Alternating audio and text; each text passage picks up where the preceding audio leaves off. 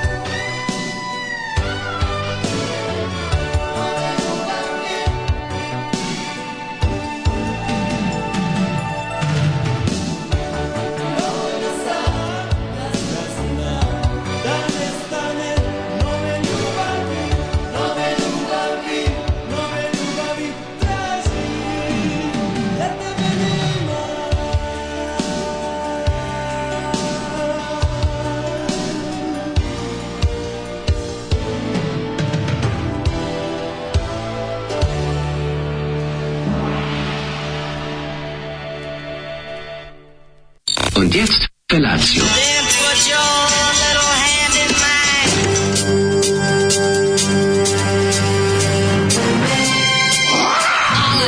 Grupa rozvojenih mladića trči po studenom vazduhu pre zore. Alarm! A ima da kane, nema problema. Svakog radnog jutra, od 7 do 10. Hajde, Keri, jako se velda! Nema da prska, nema da prska!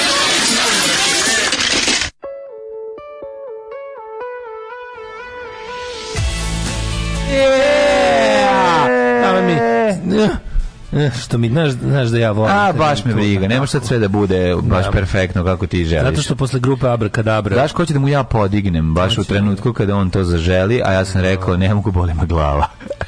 E, moj mlade, moje rosno cveće. Dobro jutro, dragi ljudi. Ti ne znaš kako je bilo grupi Abrakadabra. Znam kako je bilo grupi Abrakadabra. Ovaj Zoli kaže, ostale su još samo tri pesme. Kaže, moguće da ovo, ne ovo, je, kaže, ovo je moja ploča koju najviše puštate. Ja rekao, pa normalno kad izdata samo 500 primjeraka, ja sam, ovaj, pošto je došto oskudno, onako, Zoli ima promo kopiju, znaš, da. sa, bez mnogo podataka. Ja kopam po netu, ja sam uspeo bukvalno samo... Kopam djavol, da- djavol da sam kote. samo na kupindu gde neko prodaje ovu ploču za 1200 dinara da, da nađem podatke. I jedni tvrde da je, da je bend iz Mitrovice, Sremske, a drugi da iz Kragovica. Meni zvuči više kao da iz Kragovica, iskreno da budem. Pa mogla bi biti i Mitrovica. Ne, može, Mitrovica zvuči drugčije. Pa dobro, da. Ne znam, Mitrovica ti dukčije. Mogu bi, mogu bi Kragovic, bilo ne koja Srbija o, ovaj, iz Jugoslavije. Razmisli, to Ovo je vreme kada je bila stvarno sretna zemlja, znači, velika zemlja, sretna zemlja u kojoj su pojedinci kao što su Abrakadabra koji su vratno te izgarili, ovaj možda svirali neki pošto ima fo, teškog folka, prizvuka folka u ovom zvuku. A oni su verovatno su, su cepali svade prateći ili nešto. bend neki. Da, da, da. Teški prateći bend koji odlučili da napravili, pokušali da napravili pop rock ploču. A, da, a u ovoj stvari zvuče kao ABC, kao malo da. za japije muzika, Ma, sve znači, malo su novi romantičari i sve. Tako, o, više, stari, zvu, stari. više zvuči kao ACAB, ali okej. Okay. Ovaj, jako, jako dobro, jako... Novo ovaj, romantičari i staro zemljoradnici. Sviđa mi se nekako, ne znam kako, sviđa mi se veličina zemlje u kojoj je ovo bilo moguće. A to je to, razumeš. Znaš, to je, kad čuješ to je ploču grupe Abrakadabra i vidiš njih, ta, a ta slika. A njih dvojica da stvarno izgledaju kao svakog trenutka da ti da ti prodaju satiri farmerke. Ne, ne napravi, znači, možda napravi majicu Abrakadabra da bi nosio da. sa njim dvojicom. Pa bi. sa onim Jejnom i onim... Bi, i onim, bi Spasićem. A, jako su dobri. Basista isti kao Spasić, futbaler, a ovaj Kovrđav je teški Jejna. jejna da, mladi da, Jejna, da, jedan da. kroz jedan. Pa mogu bi, da, malo i mladi Panđev. Dragan Nebrigić i Milan Prokop. Jako su dobri. Eto, ako znate Predi, nešto i o njima, ako možete vam da podelite, mi smo, mi ne možemo da, nismo sigurni da li su... Ploča dosta oskudna ovaj. Znaš koga ću pitati, znaš ko zna, sigurno ako su iz Mitrovice. Pa ko? Pa Miloš Milaković ih zna garant ako su iz pa Mitrovice. Nisu im ti kaže iz Kragovice, po naglasku bi rekao. Kažem, saznaćemo. Nije mi sremački, već smo ceo album preslušali, jebote, čuli bismo negdje da je rebala Mitrovica, a nije nigde. Znači, znaš, da. pre bi rekao da je Kragujevac. Pa dobro, možda su stremili ka Beogradu, stremili ka Zagrebu, da stremili ka Zvukovskim Mitrovice. Pa može biti, da, No, ko Odlično, da pesma da zgazim, dan mm. njihova. U ovoj pesmi imaju... Ko je ženski vokal? Ko je, žen, meni se zove, ko je ženski vokal? Ma to je basista seo na jaja sebi, ima taj glas kad sedne jaja. Rekao da jeste. Dobro jutro. Ženski vokal. Nije ženski vokal. Dobro jutro, stakleno zgradejci. Dobro jutro svima, bit za more, bit će za more. Da. Ovo leto, boga mi, ovo leto posle prvi put u sopstveno, kako se to kaže, prvi put um, ovaj, od kada smo sopstveno preduzeće Tako je. smo ostvarili Ljudi. prihode koje nam omogućavaju da provedemo Ljudi. ljudsko leto. Biće i more i baštenska garnitura, samo ću vam to reći. E, znači, hydrocability. Radilo se o tome da smo mi apsolutno svaku tezgu koja nam je letela prihvatili. Pa, Ljudi moji, pocrka smo. Yes. A samo smo jednom izostali s posla zbog toga. Tako, tako da morate da morate priznanje. Dok Srbin uzima godišnji odmor da bi išao privatno da radi i da, u, ove, ovaj, da za, mi smo samo tako, jedan dan. Jedan slobodan dakle, dan. Znači, stvarno morali. Ali ljudi, mislim, vi ćete shvatiti, svim slobodan vi ćete dan. shvatiti da jednostavno ljudi koji od, od, od tog jednog slobodnog dana zarade za, gašten, za gaštensku barnituru. Tako je. Kako će to biti lepo? Razumećete svakako. Ko, koji su iz obaštenik garničari? Ne, sam uzem nego planiram još. Pergolu i baštinsku garnituru, e. znači ima da napravim da bude skupo. Pergola bolje od tegole.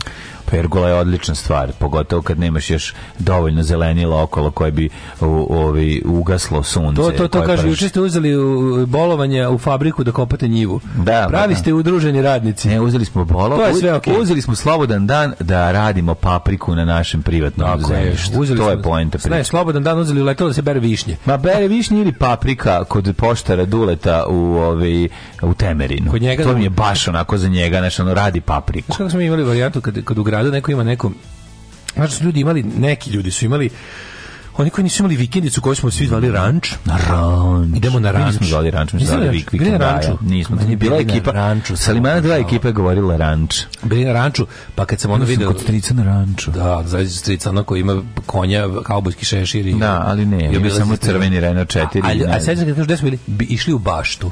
Znaš da. ljudi koji su imali baštu? I koji kaže, ej, kako vam se zove bend? Podrum. Zašto se ne zove tetke, kokice? Eto, tako je to bilo. Ajde, dalje. Kako nervira je. pa zašto podru boji? Pa ne znam. Ti tu lika šutno. A ne, vi ste da vidjeli kako je mlađi imitirao kako trepće. A je. Što kada ga zgaziš biciklom. A ovaj kako se zove? Da, rekao, idemo u baštu, znaš da bilo u baštu. To su ljudi koji su stvarno imali, no ljudi koji su stvarno imali negde samo neku baštu posađenu, mm. da se mm. stvarno išlo u baštu. Samo baštu. Imali da. su eventualno ne neki kao jedna slavina bašta i i neko I mesto. Neki, šup, ne, da. limena šupa. Šupa da, da može da gurne šalat. Da, da, da. A, da, da. Stvarno su da. ljudi imali baštu, odu da tamo i nešto donesu, A, kako donesu ne. iz bašte stvari. Razumiješ. Tako, dođe deda od našeg drugara i kaže. Prvo većinu godina Pekla zvezda majku joj njenu. Da. Evo šljive, probajte šljive. Da, da, E, to je to. Znači, dođe, znači to je samo, znači, bukvalno, sama plat, bašta, da. sama ovo ovaj kako je bilo žao ti Pa meni bilo žao i mene što moram da imam na vikendicu, a kao da nemam vikendicu, što da. vikendice je. Da. Tudi vikendica bez vikendice, imaš komad zemlje na kome idete ko budali idete da radite zapravo jebote. I pitaš se ono kao, zašto ono kao i to što nije bilo nisu bili nešto siromašni ljudi ono da, da, da. Tako, bilo ljudi koji to vole kao to je super kao ćale vole da kopa i idu tako razumeš pa dobro nije le, lepo je to kad vidiš da. napraviš pa nešto izraste sad u, u eri kompjuterizacije i gledanja u ekran sve vreme mislim prijati da odeš tamo malo da slušaš cvrkut ptica i, i zvuk uh, motorke dok seče i, i lovce u daljini kako se čuje Osetio se na futbalu tvoje odsustvo. Svi trče, kidaju, najbolji futbal ikad. Hvala ti. Nema na čemu. Kako ti nisi stigao doći da na futbal? Pa kako stignem? Zašto da ne stignem? Koliko sati da počinje da- futbal? U 9 uveče. Jebote, mogu si. Pa nije juče bilo utorak je bilo. A, utorak, izvinjam se. A, onda izvinjam se. Ja sam tada već bio Tezga 1. Da, da, okej, okay, okej. Okay, ja sam okay. bio Tezga 1, mhm. sutra mm -hmm. Tezga 2 i tako. tako je. Kod nas je bilo idem na plac, u idem na plac. Kod nas je bilo, izvini, kod nas je bilo mhm. idem na plac dok je to dok se bilo grad, dok je bila gradnja. Dok je bila gradnja. Irig nam je bio plac. Tako je, onda ideš na vikendaju. Onda ideš, onda da, sorry, u mojim etapama je bilo. Tur pa vi ste imali baš kućetinu, mislim, vi kod nas pa nije. Pa kako ti kažem, nismo imali kućeta, kućetina je nastala tokom Znači, mi smo plac kupili u, u leto 86. Svečano se zaklinjamo da se moja beton se tamo neće menjati veličinu, ostaći tolika nikad. Ne, ne, ne, ne, ne, moje, nije, moje mega veličina, moje, moje prapra po planu, Aha, nije buđeno. Nije dodaja, dodava. Dodava, naravno nije. Mhm. Ali je to tatin plan bio takav da je on zahtevao 15 godina gradnje. Ono. Da, da, 16 ne mora. 16 ne mora. Da, da, znači, da, da, to kao, mi smo kupili to 4 godine nakon kupovine zemljišta je prvi neki beton izliva. Darević će ići na more, makar slame jeli, ali da. ićemo na pa more. Pa dobro, ti si dosta, ti, ti si kao napravio kuću bez da iko umro. Tako je. A, da, da, a prvo ti. Tako Ove, je. Ovaj, e, kaže ovako, um, um, dobro jutro, kuropazitelji, pustite Jugoslaviju da počiva u miru Zoli Some. E, ovaj, u... Zašto ne volite Abrakadabri da zgazim dan? Šta vam smete u tom jednom toplom ljudskom predivnom, laganom, lahorastom pristupu rock and rollu. E, u odsustvu vas jučer sam slušala Agilas sa Brakusom. Kaže, Brakus nije jasno ko su ljudi koji svaki dan u isto vreme nađu vremena da ih slušaju. Ja svaki dan nađem vremena za vas. E, Ali hvala. neko zna neku online pijecu da prodajem domaćeg vi, vina, pretpostavljam. Što mi je ostalo, treba napraviti mesta za novu turu. Aha. Ovo, ovaj, pa vidi, mi, ko, mislim, Kako Daško Razumem te, Kako vi, vi iz dobi tradicionalnih vinarskih porodice. Ove, ovaj, imamo isti problem. Kako je, jel super hik ili je krema, ako je dobro vino, daj Dajte vina Dašku mom. E, Dajte cigareta. Da ali moguće da ovaj klepetalo izjavila ako idemo na more da ćemo se kupati hladnom vodom. E, to da. ćemo o tome ćemo da pričamo, da, da, pričat ćemo da, da, još o nekim stvarima. Ja sam juče stvarno imao bukvalno ono nervni slom te izjave. To je baš ono kao svaka čas prijatelju, ja sam se podeko pomirio, pomirio sam se s time ću se gledati do kraja života, ali u i dalje umeš da me ispizdiš da, da bukvalno ono da, da lakat propsuje. Ne, jako me zanima koja je to kakva je to poveznica između toga da neko ide na more i ima i ima struje, šta to znači? Ako šta hoćemo ako budemo štedeli ako ne budemo išli na more da se nakupimo toplote, onda šta, onda kako ćemo imati struje? Pa ne, pričate Struje će biti toliko skupa da nećemo moći da je platimo. Jedino ako ne odemo na more ćemo moći da je platimo. Videćemo Ove, e, Dobro. da, znaš da juče više ne postoji Internet Explorer. Hvala Bogu, najgori, najgori browser u istoriji otišao. U istoriju, da, ne postoji više. I ovaj, to je srećan, srećan odlazak. Znaš da na MySpace-u ne može da se pusti muzika više? Ne, ima da se pusti muzika. Pa ja sam probao da pustim nešto, da nešto ne ide. Drugčije, e, da. A što mi ne radi? Dalje Ja stisnem play i ništa neće. A to da zato što ti verovatno možda možda ti nije ovaj šta, možda ne skinem neki. To, da, plugin ili nešto. A... Ah. Nešto, da, ali ima, ima, idemo, ima muzika.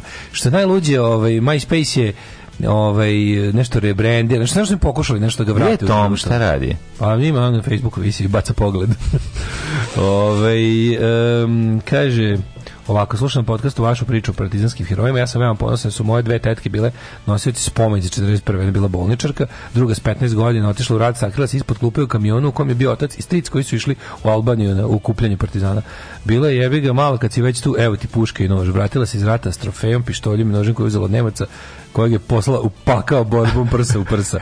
Do kraja života spavala s pištoljem ispod jastuka. Pa da. Doživjela dobru starost. Napustila nas 2008. 2010. E, to je život. Takav je selavi. Sve to pokušao da zasere potomak osuđeni haški zločinac i prijatelj Šešelja. Nije uspeo, ne gori u paklu i da. čeka ortaka iz ćelije da mu se pridruži. Nije uspeo. Kako poruka, svaka čast. Ovaj, ukucite ove riječi na Google. Karlovac crkva nevrijem je zvono. Uživajte ajde, ajde. Karlovac crkva ne vrijeme zvona. Evo ga.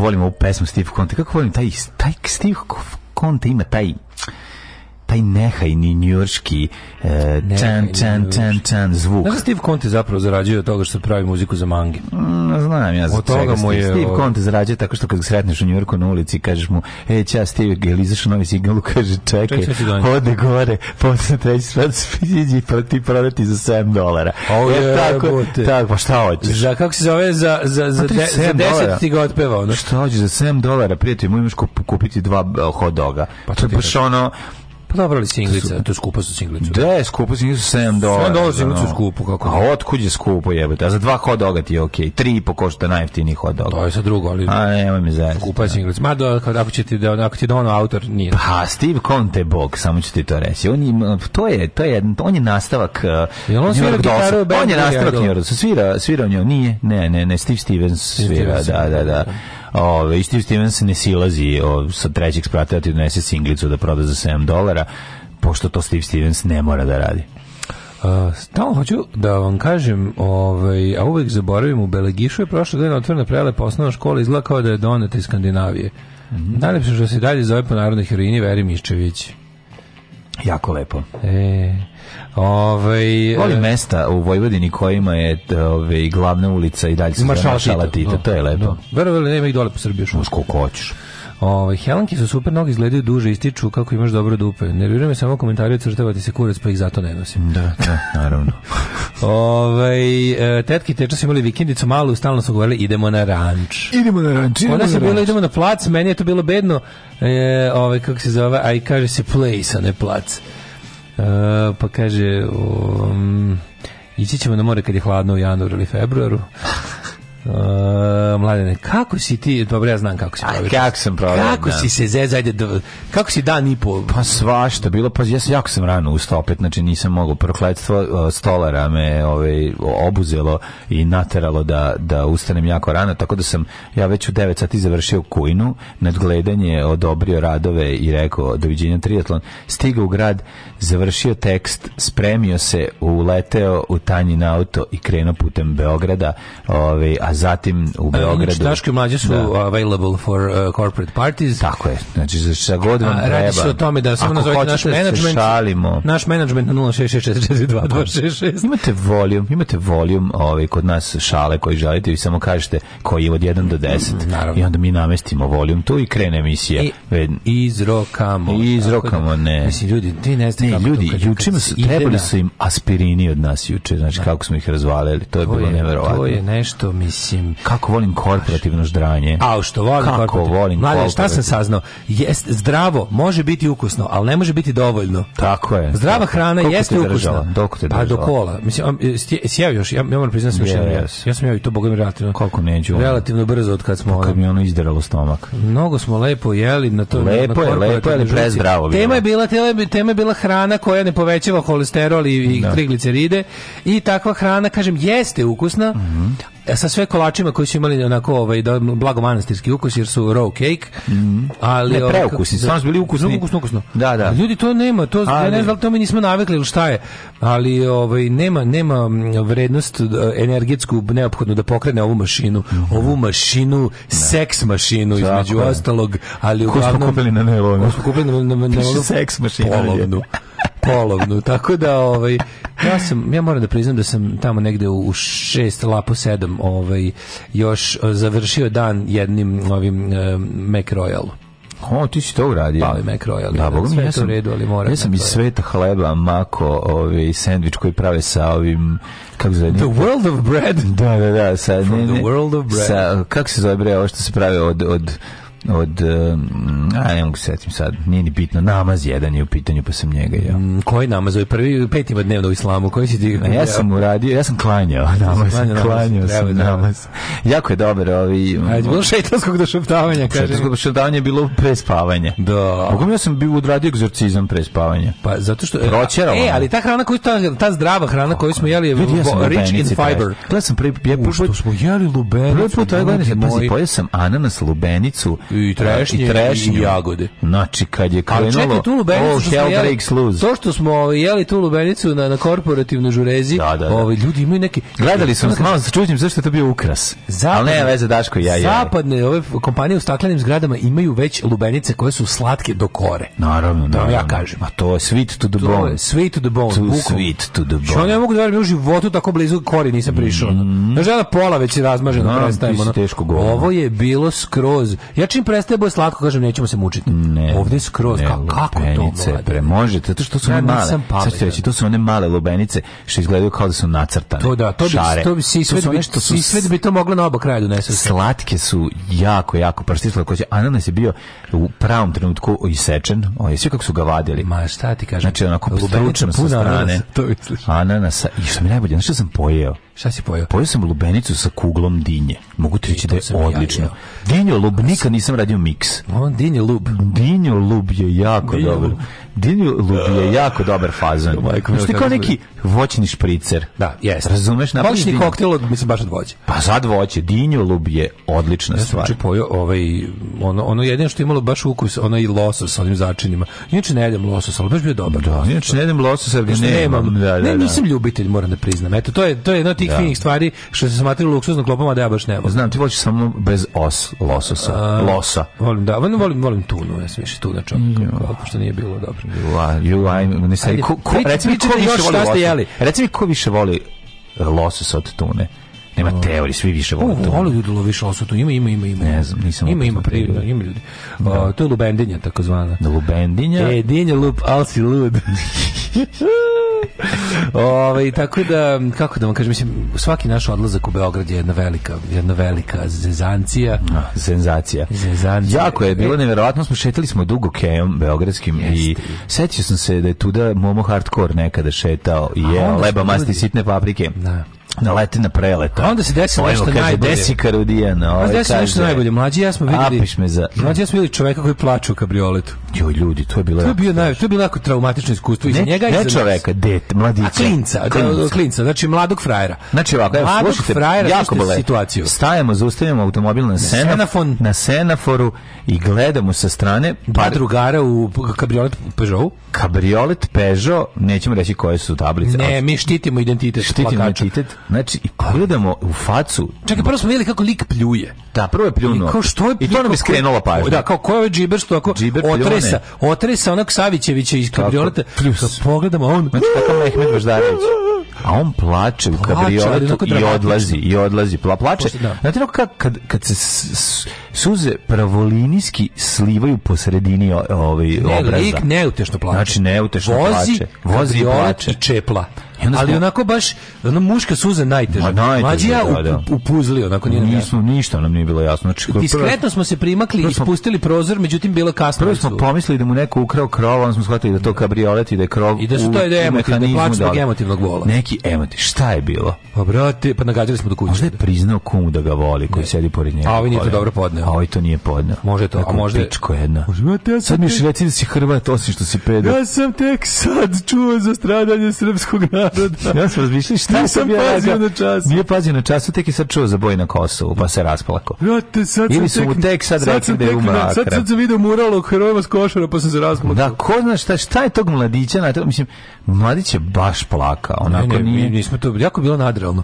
Da. Čovek u kabrioletu vozi i plače, rida. Da, rida, rida, da, da, da. Oliver Rida, baš je bilo onako jako. Znaš kao, sada, da sada smo mi neka komercijalna radio stanica koja ima da vam da neku nagradu, mi bismo vas pozvali da 066 44226 kažete zbog čega je plakao i najbolji odgovor dobija ovaj bioskopsku kartu za film čovjek koji je plakao u kabrioletu koji će ja snimiti to, ili, za vikend ili nešto već sad delimo ili ono da, da, da. nešto znaš onaki ne razmišljao sam I džiberi plaču. A pune mu oči bre mušica zato što vozi kabrioletom. Nije, nije, to nije plakanje od mušica. Jedna je plakanje od mušica, ovo je plakanje od ono, e moj čale, sad kada te nema, meni fali da mi neko kaže stani mali, stani mali. E, taj, taj, taj plać je bio. Stvarno, da- Ili da- da ono... Mene je dugo proganjalo da, čovjek koji, koji čepla. Ja legnem da spavam, pomislim na mladiću kabrioletu. I zašto nisam dovoljno pogledao njegovog saputnika da vidim, možda bi mi... Možda on plače možda bi mi lice saputnika nešto otkrilo ovom mladiću. Da. Znaš, možda koji zgrožio. Meni je delovalo, sa, više mi delovalo kao samo, brate, ostavila me kurva. Da, to mi bilo mi da. Otišla mi... je sa čovekom koji ima automobil sa krovom. Znači, odmah se prodala. Čini ti nisam više... dobar ja što, zato što, što mi auto nema krova. Zato je moj auto, nemam krova tu, da. da. Zato, jel ti treba, pa da, ako da, si da. željna krova prokleta, bit ćeš, o, o, Ako o, ima krova, u njime se vozit ćeš. I e, tako je to nastala da, pesma. Da, da. Ali ovaj da ja mislim ja mislim da je to zato što onako, ili ili možda ti mladi ljudi to mi ne, možda su neki to problemi koje ti ja ne razumem. Možda je bilo nešto možda plako zbog manje lajkova da znači. Mm. Šta sedam lajkova brate? Šta bre ovo znači ja se kako se se iscimao. Sam se zato krstio na nostrugu da mi da, da, sedam da, lajkova samo. Rekli smo da mu je tetovaža sranje. Da. Mogu može i bolje. Može i to čoveče. Ne video je da još neko ima bodljika u žicu istetoviranog. Mislio da je mislio da je Preko ostroga. Mislio je da je originalan. Preko ostroga ga je... Saznao šta zapravo kineska Znate tetovaža ja, znači. Ja sam ja za ovo radio srpske vitezove na da ostrugu ukrštene u boljikovi žiči. A šta ako je malo alternativa? Cara, cara Caroslava. A šta ako fura prema istoku, ako je grnuo ljuto kiselo supu na... na, na, Matri, ne. Znači, a? kako ti kažeš ne? Ne, apsolutno ne. Možda negde, ali mo, ne možeš. Znači, mlad čovek u Srbiji, da, tako, da. tako izgledajući, mora jest, da ima pravoslavlje tetovaža mm. i tradicija. Mora, mora, mora. Mm. mm nek bude sramota. Fuj, džubrad jedna bezobrzna politička. Fuj, fuj, fuj, govna, govna, govna, govna, govna. Stvarajte govna i gušte se govnama. Alarm svakog radnog jutra od 7 do 10.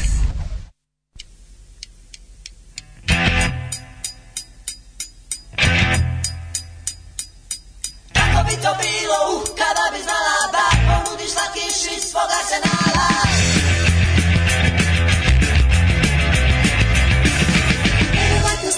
slatko traje kratko, a zalaga i prvi baš ne klize glatko.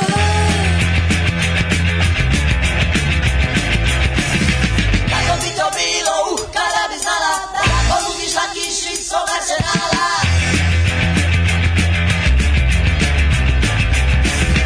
Verovatno znaš da slatko traje kratko, a zalaga i prvi baš ne klize glatko.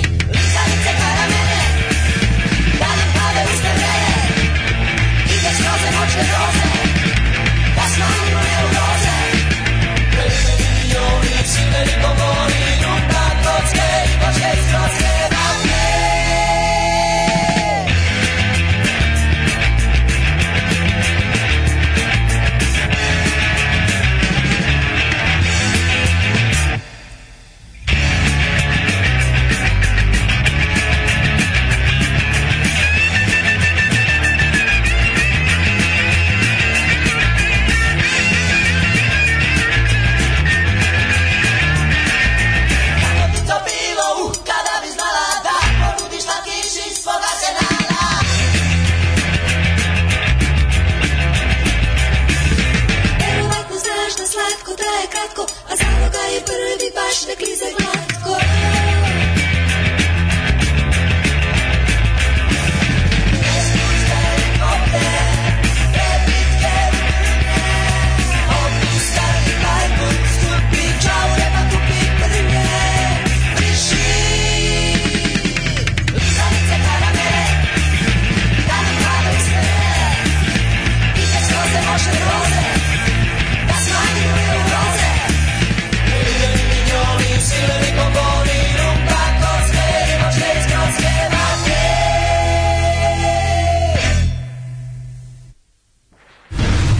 vam kažem, bili ste sjajni, mislim da ste obezbedili ovaj plasman u finali, vidjet ćemo se u finalu, a vama pripada nagrada 12 boca Joker brandija koje daruje Wolf Inter Export iz Niša.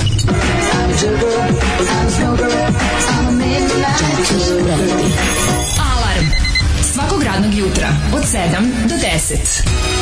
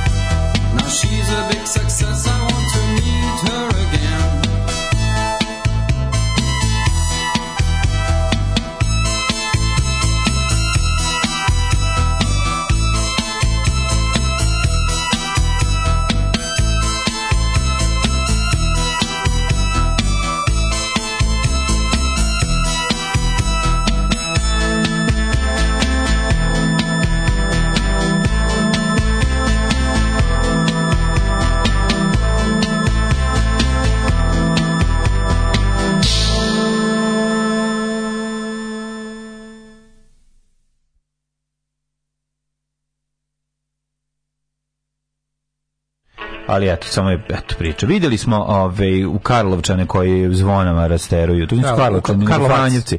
Ka, kanjevci, pa da. fratri iz neke fratri iz... koji su odlučili da, da ovaj da radi se o Karlovcu u Karlovac u Hrvatskoj, je ovaj fratri su to, ono kad su guglali nevreme Karlovac. Što kaže znači- Karlovačani? Karlovčani se kaže. Da, šalim. Kaže se Karlovčani. Karl Hunters. Ove, ovaj, kaže se Karlovac. Ne, pošto je Karlovac, A ono, Karlovac, Karl Hunter. A ono su Karlovci. Karl Hunter. Ne, ili su ovo Karlovci, a ono je Karlovac. E, tako, da. da. Pa sve jedno Karlovčani Da. Nema veze koliko imaš Karlovaca u kojima živiš. Mhm. Može imaš puno kao stremskih, a možda imaš i jedan kao hrvatski. Ne, ovi, ovaj, nego mi zanimljivo je, uzeli Franjevci, pa, mene, pa upali zvona pola sata da bi rasterali obrat. I mislim su uspeli. I onda, pošto su na kraju, jel da, posle kiše je došlo sunce, što bi rekli, kridensi, ovaj, onda su kaže, eto, vidite da je radilo. To je to. Ovaj, Kad mene uhvati tako da plačem i uzmem šaku dolara i obrišem suze u mojoj novoj Tesli. Uključuje se kod plače, kod plače iz kabrioleta, kaže ženja. Samo ću reći i bogati plaču. Pa da li nije bogat, o tome se radi. To je to je mala zanimljivost. Mi smo to isto pomislili onda kad sam Sanjao sam ekipu sa kamionete kako smo u kakvoj velikoj kući na odmoru sa ženjom. Plače sreće jer čuje da Jokara brat igra za Srbiju. Plače i kaže, tebra, kaže u njoj, sad ćeš da čuješ ko su Daško i mlađe zbog kojih sam sat vremena duže u WC-u svako jutro pustim, a oni jutros nisu imali emisiju, jebem im strinu i ona me napusti. Ove, e, kaže, plače čuje da je Vučić gasi zvezda Srbiju nikad Jugoslaviju. E, pa kaže, plače jer je pročitao tweet Japanca koji je bio na Adi Ciganli i video tipa sa tetovažom japanskih znakova koja znači javni toalet i još mu pokazao thumbs up slab. Dobro. Ove, um, Kaže, tačno zamišljam lik na semaforu koji plače u kabrioletu dok iz auta sa strane gledate vas dvojica ruke pune cateringa koji ste poneli kad ste pošli. Mlađe mu pruža pačilu bendje kaže, druže moj, može tebi sad teško, ali barem nama, ali barem nama dvojici bolje nego ikad. Mm, ali sam jelena, vi odlazite dok on je dalje stoji, a suze padaju na lubendinju. Moguće. Ove, mladine, Jedan od potencijalnih scenarija. Je, taj, da, da moguće. Ovo, ovaj, mlade, ajmo mi malo da vidimo plaču kabrioletu. Ajde imam prošlost. Let's go. Pre nego kad je mladić i živa bezbrizno život i nije znao da će zaplakati u svom kabrioletu. Ja se nadam da je sad dobro. Ja meni je žao kad bilo ko plače. Pa naravno. Ne volim plaču nekako. Ja se uznemirim kad ljudi da plaču. Prosto bi ne, nešto. Svako prirodno da se uznemiri. Uznemiri se kad ljudi plaču sebi da nekako samo da prestanu. A kad ženske kad ženske plaču. Da. Ja sam spreman da bilo šta uradim samo da prestanem plaču. A kad si romašni plaču spreman si da platiš da vidiš. Ma to.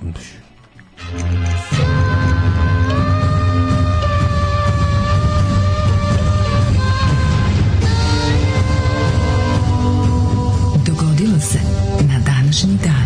16. jun, 167. dan godine po Gregorijanskom kalendaru. Do kraja godine ima još 198 dana. Yes, it does. Pa sam teo da te pitam, gde ćeš sa Darom Bubomarom za najluđu noć? Um, Spreći kako se Nataša Bikvalac izoperisala na Daru Bubomaru? Ne. Sve, svi, svi putevi vode ka Daru Bubomari. Znači, me kvacu uzela odravno. Uzela teglu, teglu za sise, a? Neke korekcije, teglu za sise odavno, mislim. Pa dobro, što? Druga su kupile. Samo što je Dara Dara, bubamara, Dara bi svaki put kad zaradi pare dokupljivala. Da. A Nataša me kvacu kupila jednom, možda dva puta. Mislim, ne, Nataša me kvacu kupila jednom, ali onda remontovala. A Dara je kupila više puta i samo povećavala.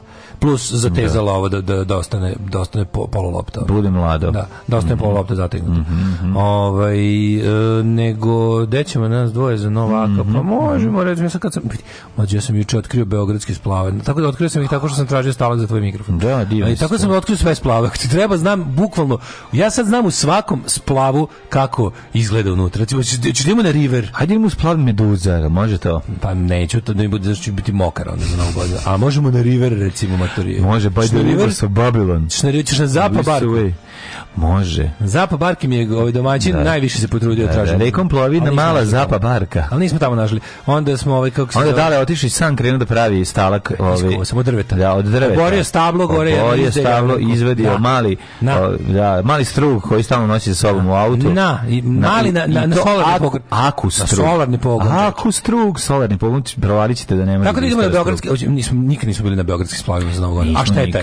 Jer su tamo najukusnije žene i najlepši ćevapi. Tako Tako je, uzmemo mojito i tvojito, mojito i jedan drugom, ti, popijemo ti, ito. dare i ja i dan zbog Može, može. 1671. počinje moja historija teka. U Smokvi javno pogobljen vođa ustani kadonski kozaka i seljaka Stenjka Razin. U ruskim narodnim pričama i pesmama postao simbol prkosa i pobune. To da, je, eh, to je Niko Hajduk sam. Matija Gubac. Niko Matija Gubac. 1671. on je ovaj, kako se zove, da, to je seljačka buna, mislim. Mm -hmm. Kmetovi se pobunili. Mm -hmm. 1745.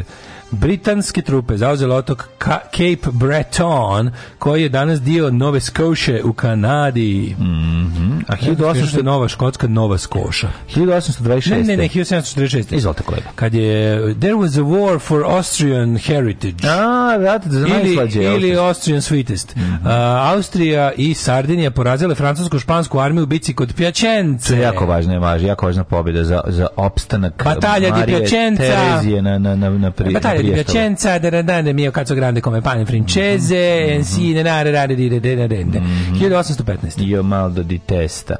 1826. 15. 15. kad je u bici kod Lignja i bici kod Kvatre Braza, dva dana. Bit, bitka, bitka kod Liganja Slankamenečka. Tamo je bila bitka Lignija, stvarno bitka kod Lignija mm -hmm. i bitka kod Kvatre Brasa, dva dana. To je bila zapravo, eh, to je bio warm up za Waterloo. Mm. Waterloo. Na, na, na, na, na, na, na. To je bila Marička bitka, šalim se, je bilo da. dva dana, bukvalno pre.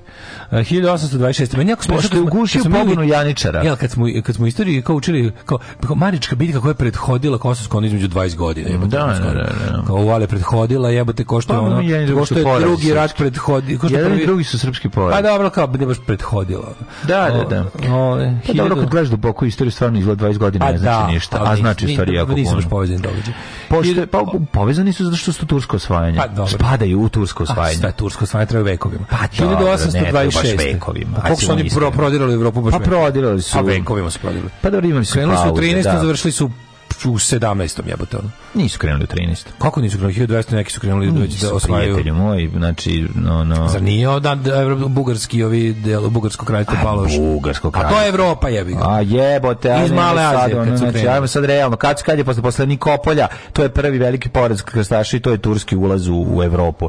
Nemojmo, pravi, ajmo sad... Pa ovi, ovaj, jeste, znači, ostavi. znači, kažem ti, jesu oni, mislim, kako će sad, opet ti pričam, ako mo, ćeš da gledaš pod prvog ulaska nekog prvog plemena ili prve neke ekipe koji su zle, turski upad napadi su se sastojali u tome što ono se okupi ekipa za pljačku, uđe pa unutra popljačka i vrati se nazad, kod ne, ne ostane. Ne, ali govorimo o teritorijama da su da su ostali da pa da, da, da, da šire carstvo. Da, da šire sultanat to je bilo malo kasnije, pošto na no, znaš, je, brate, znaš koliko je trebalo, znaš koliko je preda trajalo, pa jeste trajalo da. do, do, do, do 17. Al, veka, da. jeste. 1826. Mm -hmm. baš, baš jedan događaj iz tadašnje ovaj, automatsko carstva, izvolite mladi. Da, uh, koji si rekao? 26. Uh, pošto je ugušio pobunu Janičara, turski sultan predno Mahmud Nemere ukinuo vojni red ovaj, i uveo nizam, redovnu vojsku. Aha, znači, dosta mu bilo Janičar. Janičari su bila ono bukvalno ovaj, specijalne jedinice, al tako, saj. Ali, zarjaničari nisu bili ovaj, uh, kako se to kaže, profesionalna vojska. Pa jesu, s tim da su... S tim što nisu bili svi e, u zarjaničarima, nije bilo i e, evo recimo primjer ovih što su odvedeni u Janičar. Pa bilo je, nisu samo, nije samo dana Ne, ne, nije, naravno, da, da, da, da, da. Ali bila je vojska koju je plaćao. Pa, jeste, jeste, ali oni su bili i, i feudalci. Znaš, onda ovaj, pre, ovaj, ovaj, na, ovaj pre, onda uzeo i napravio redovnu ja vojsku. Da bi postali... Vi samo vojska, niste ni, ništa Postali više. bi spahije. Da, Stavno pa ne znam da li su oni dobili neku zemlju. Ja mislim da jesu kad kad završi zemlju kad, kad zavr, ne, kad završi svoje ono, ovaj, verovatno da. onda dobija dobija neki pa čim, zemlje. čim je shvatio da mu, da mu to ne radi posao, da mu je bolje da ima redovnu vojsku, mm. odnosno da je svaki podanik eh, potencijalni vojnik. Ono sam i zaboravio to iskreno. Ja, tako, a kaže, evo, od, ono sam zaboravio, ne mogu baš tačno. Čekaj, čekaj, E, Janičare od otete i potučene dece počeo da regrutuju Sultan Orhan. Znači počelo mm. kao mhm. takvo. Počelo, Ali da, proširio da, da, da. na bilo koju plaćeničku vojsku zapravo. Pa, da, da, I onda su odlučili da umesto toga naprave redovnu vojsku gde je svaki stanovnik, mm. muški, potencijalni vojnik. 1852. U Novom Sadu, u Novom Sadu, hej, hej, hej. Štampan je prvi broj lista srpski dnevnik. Književnim dodatkom sedmica izlazio. List izlazio bio jedan od redkih slovenskih listova u Austrijskoj carevini u to doba. Eto, lepo smo u, u staro doba. Da. 1872. prva sudska rasprava na hrvatskom jeziku u Austro-Ugarskoj Dalmaciji. Mm -hmm. Sludilo se Hajduku Andriji Šimiću iz Šmekova. Mm -hmm. 1876. Mm -hmm. U Cetinju, posle pregora vođenja od oktobra 75. februara 76. potpisan ugovor Saveza Srbije i Crne Gore protiv Osmanskog carstva, odlukom Vrhovnog savjeta odbrane Jugoslavije. 93. taj datum određen za dan vojske Jugoslavije. O majko, mila, kako bilo jadno ovo. Da to je sa koji datum? Oj, 25. decembar je, e, e, je, ne, 25. decembar dan, ovo je bio dan vojske Jugoslavije, ja nisam ni znao to. 25. znao da 15, ne, 20, 15. koji danas? 15, 16. 16. jun znam. 16. jun je bio dan vojske Jugoslavije. ne znam, ne znam. E, Joj, bedo ljudska. A što nisu ostavili 20? Što su morali da promene? Ono, A pa zato što su teli da budu, da nema ništa s komunistima mrskim. Ali da budu Jugoslavije. Pa, pa zato što je taj novi Jugoslavije samo Srbija i Crna Gora, pa su tražili neki vojni sporazum koji povezuju Srbiju i Crnu samo. I onda su našli ovo ali bedno, majko mila. 1920. u Londonu održana prva sednica društva naroda. Mm -hmm. Skipilo, skupilo se neko društvo, narod neki. Jeste, pa onda 1941. Imaš nešto između? Imam, 33.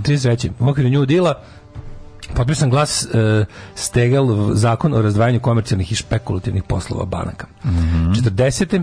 Može. Peten postao predsjednik Višijske Francuske. Ovaj da. Heroj Prvog svjetskog rata, ovaj i bednik, iz, bednik Drugog svjetskog rata. Svjetskog rata da. 1941. predsjednik Sjemičkih država Franklin Roosevelt naredio zatvaranje svih konzulata nemačkih u Sjemičkih država do 10. jula. Da. A ovaj to je bilo jedno, a drugo je bilo kada su oni ovaj objavili kada je nakon nakon Pearl Harbora Mhm. -huh. je ovaj su im konfiskovane ime, zamrznuto, mm -hmm. konfiskovane ime, ime sve italijansko, sve nemačko, i još ranije sve japansko je ovaj stavljeno pod kako se zove sve japansko sad je moje da 1958 dobro ovo je dale pre uh, Pearl Harbora tako da i pre ne, zapravo... pre Pearl Harbora da, ali da, ne, da. Ovo je da. sta... ne zatvaranje nešto drugo znači oni su stavili to je bio uvod ovaj kako se zove oni su zategli odnose, spustili su diplomatske odnose na minimum i dalje si ti mm. imao, znaš, e, kao neku diplomatsku aktivnost na nekom nivou, kad je objavljen rat, to je onda, mislim, čao. Mm. 44. Da. U drugom svjetskom ratu na visu sklopljen sporazum Tito Šubašić, a o, o odnosima narodnolačkog pokreta i vlade Jugoslavije u, u emigraciji. Da, to je bio taj prelazni period. Mm. Uh, 1958. Mm. Obešen Imre Nađ, premijer Mađarske u vreme antikomunističke pobune 56. Da. koje su gušile sovjetske trupe. Nađ sad uhapšen i na montiranom procesu osuđen smrt zbog izdaje. Na isti dan 89. pola miliona Mađara u Budimpešti prisustvovalo njegovoj ponovnoj sahrani uz državne počasti. Yes, Imrać bio veliki čovjek. Bio veliki čovjek i to je ovi jedna od ružnih epizoda u istoriji e, Titove Jugoslavije, je tako? Jeste, mi kažemo sramota, mi smo sramota. predali smo ga, predali znači, smo ga sovjetima. On se sakrio u jugoslovenskom ambasadu. Pogazili smo zapravo suverenitet naše ambasade. Mi smo istrgovali sa njim. Da istrgovali da smo, pošteni. Predali smo e, ga, šta je, predali smo ga Hruščov, dobili, navodno. Hruščovljevoj e, mm. vladi, a dobili smo nešto, mislim, nešto me treba trebalo da neki kažu neki nuklearni program od koji zbog koji od koji sad bi jela snima film. Šalim se. E za to ako sežne posledice. 1960. predsednik SAD Dwight Eisenhower morao da odloži postoji Japanu zbog antiameričkih nereda u toj zemlji. Tako je. 1960. Uh, premijera Hitchcockovog filma Psiho. Mm -hmm. Pa je onda... Šta, voliš taj film?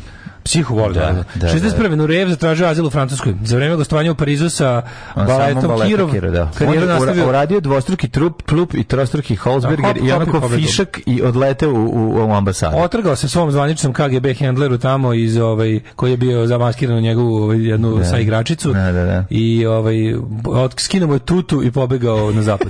Karijeru nastavio vodećim evropskim američkim trupama, bio zvezda britanskog kraljevskog baleta. Naravno. Tako je tužno kad nemaš da se vratiš u svoju zemlju. To je, to, to, to je baš, baš jako tužno, ali dobro. Ove, verovatno pod stare dane. Mislim da je Nurejev dočekao, mislim već nije morao da padne Sovjetski savez da bi se već za vrijeme perestrojke da, glasnosti moglo mhm. da se ode nazad bez da te ono mogu se da. Ej, oči su ljudi dobijaju pasoše. 63. Sovjetski savez lansirao vazionski broj Vostok, Vostok 6, 6 s prvim kosmo, pa sa prvom kosmonautkinjom Valentinom e, Tereškovom. Tako je Tereškovom pre predivna jedna žena balerina. Prva žena u Šac. ovaj uh, svemiru. Je bila balerina? Nije bila balerina. E, je bila balerina je bila kradnica. Kako, kako je zajebana, izgleda kao razredna neka. Pa da. Znači zajebana razredna. Antijetna škola bila neka ono težakinja. Ono. Mo da. 72. u Hanoveru uhapšen Ulrike Meinhof. Postala je prva žena u svemiru nakon što je prošla proces selekcije više od 400 žena. Na pola su rekli ove, ovaj, dajte muškarca. 400 žena. Ša. Da, da, i na kraju je bila pet finalistkinja. Da, da. Šta su morali da urade? Kako pa, su birali znam, od tih Bilo je čupanje repa volu, bilo da, je da, da, ono, da. čebe na tank, bilo je... Davljenje Nemca. Davljenje Nemca golim rukama. 1976. u Sovetu. Ti šta je morala da radi ta žena? Ja te morala, prvađa, morala da bude da. psihofizički odgovarajuća po nekim najviše moguće. Verovatno ima neki super. Gledaj sliku. Ta žena, moj, ti nju ne možeš ubiti. Slušaj, ti nju ne možeš ubiti pucajući njoj, jer ona ima toliko ordenja na sebi. Da. Znači to je kao da nosi onaj tepsiju. Da, kao da ima tepsiju ono na sebi. Znači ne. Ne, ona sigurno, to sigurno u to vreme ono imala neke najbolje medicinske rezultate. Mislim bili su fazon kao žena sup savršen pritisak, savršeno svega ono. Da, šećera da, da. u krvi, kolesterola, tako je, tako masti, garantno idealna ona za, za mm. da nam se da mi se blama da nam se nešto desi, da se nešto desi dok je dok je šaljemo gore ceo svet gleda. Da, da, da. Ove, u Sovetu, najvećem crnačkom naselju u Južnoj Africi, izbili rasni neredi u kojem je tokom nekoliko meseci poginulo 600 crnaca i 3 belca. Uh, 1972. U Hanoveru uhapšen Urlik i Rekao, rekao, rekao. Da, da. 77. Leonid Brežnjev, lider komunističke partije, zamenio Nikolaja Podgornog Na mesto predsjednika prezidiju Vrhovnog savjeta SSR, nešto kratko bio. Svi oni su vremeno, to, to menjanje ovi, ovaj, na vrhu Sovjetskog savjeza u tom periodu je jako zanimljivo, zato što su svi bili već dobrano matori i pa, da. oboleli od, od ovaj, različitih bolesti. Pa onda kad gledaš te sahrane iz tog perioda... Da, jako su se brzo menjali. Znači, taj, ovaj što, ovaj što, taj, ovaj što, uladio, što se uladio u kovčegu, ovaj što treba da ga nasledi, već, je, ono, već, već, već kašlje krv. Da. da, već je ono Boris Čepanović. Već je uvatio Bidermajer s prethodne mm. sahrane. I onda dok mm. nije mhm. došao, onda nisu mogli da se stabilizuju čoveče od Brežnjeva pa ovoga Gorbačova koji je ostao. Čovjek s flekom. Čovjek s ovaj. flekom je potreo. Da, on je Do kraja zemlje, yes, yes. do kraja države. Mm -hmm. Ove, hiljadu... Tu izdenik, što bi rekla pa moja baba. 83. Što bi rekla moja baba, tu izdenik. Za sve tenkiste on izdenik. Ono. No, da, no. Da. Za, za predsjednika prezidijuma Vrhovnog Sovjeta SSR izabran Andropov. Mm -hmm. Pa je onda... 90... On je bilo kratko, jako. Taj je bio kratko, pa da, njega je zamenio. On je, njega je zamenio, da. ovaj, on je posle Brežnjeva. Andropov drži, stoji pored, na sakrani drži se za jetru. Tako je ona isto, bio onaj Ukrajinac, Černje, ovaj, nije Černjenko, može Černjenko. No, su dva ta kratka posle Brežnjeva i onda je došao mm. Gorbačov kao mali, mali, mali klinac ćelavi sa flekom. Mislim, za ove ostalo bio klinac. Ima onog s flekom kojeg, kojeg negdje nikom. Nikom. 92. ajde. Šta je, če moram da pogledam šta je Gorbačov bio u ratu? 1992. predsjednici SAD i Rusije avion, Bush avion i, je bio ratom. Bio transporter. Da, transporter. I Jelcin u Vašingtonu postavili dogovor sa smanjenju arsenala dalekometnih da. nuklearnih raketa za dve trećine. Bio je flek, ovaj flek top. 1994.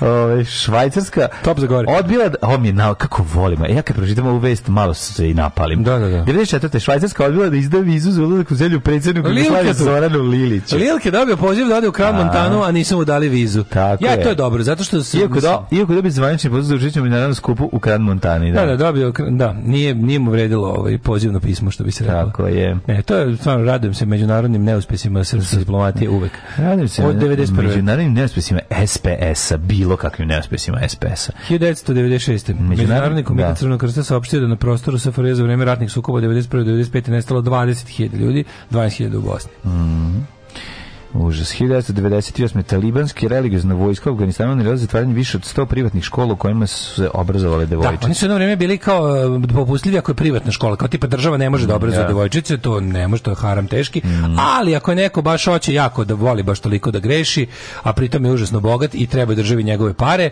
uh, onda ćemo da mu dopustimo da, sko, da školuje svoju čerku ovaj, privatno. Međutim, onda su 98. Mm. su vidjeli da i čak i odatle izlaze ove ovaj, obrazovane E, devojčice po crkvi to oni koči nemoj si lud vid progresa vid, vid progresa da gasi gasi obustavlja alo dobra jel to progres progres dao obustavlja 99 Amnesty mm -hmm. International saopštio optužio SAD za kršenje ljudskih prava jer su nastavili da izvršavaju smrtnu kaznu posebno zbog njene primjene nad osobama koje su zločine počinili pre više od 18 godina to je ono kad ti smrtna kazna doživi punoletstvo pre izvršenja mm -hmm. zašto se toliko dugo čeka šta je razlog šta je razlog odlaganje ima svega ima od ono kao bolestan je bio Dakle, ima, ima svega. To, da li bolest? Koja bolest odlaže smrtnu kaznu? Pa svaka bolest odlaže smrtnu kaznu. Možeš da budeš zdrav, ne možeš, da, ne možeš biti bogobljen bolestan. Mm -hmm. Bukvalno ima čak i propisti, pa ne možeš da imaš najluđe, ne možeš da imaš ni temperaturu višu od one što se smatra zdravom. Znači, ako imaš 37 sa 2, odlaži ti da. se pogubljenje. Znači, ako pojedeš krompir, živi si još jedan dan. Minimum. Ali pa zamisli, traži, da, to je bar for za svoj poslednji obrok, tražiš presan krompir. krompir. I uveče te zajebavaš tako. Kad god dođe, ono ti kažeš, šta ćeš, hoću presan krompir. Pojedeš, imaš temperaturu, vratite nazad. Vratite nazad. E, Sutra dan opet. Da, 99. od sira krompira. A me Berry mhm. Američki atletičar Morris Green postavio novi svetski rekord istočno 100 metara za 9,97 sekundi. Samo ću reći, 60 metara 77. Opa, Na Maljan Urdarević. 60 metara 77 škole. u cipelama. Uh, i, u, u cipelama. To je bilo za to je bilo za op, u Nisu bile ortopedske, bile su cipele.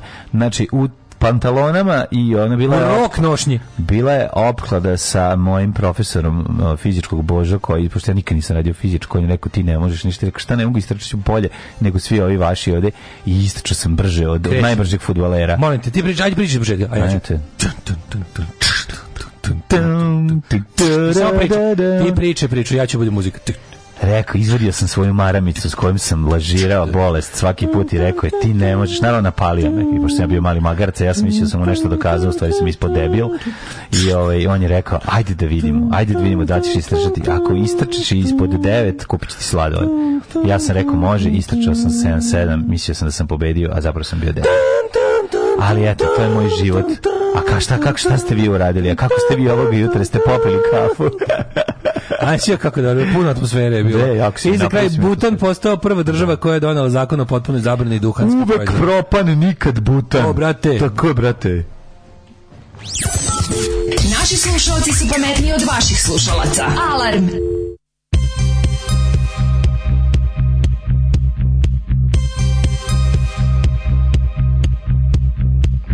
Video games train the kids for war. Army, she can fortune store.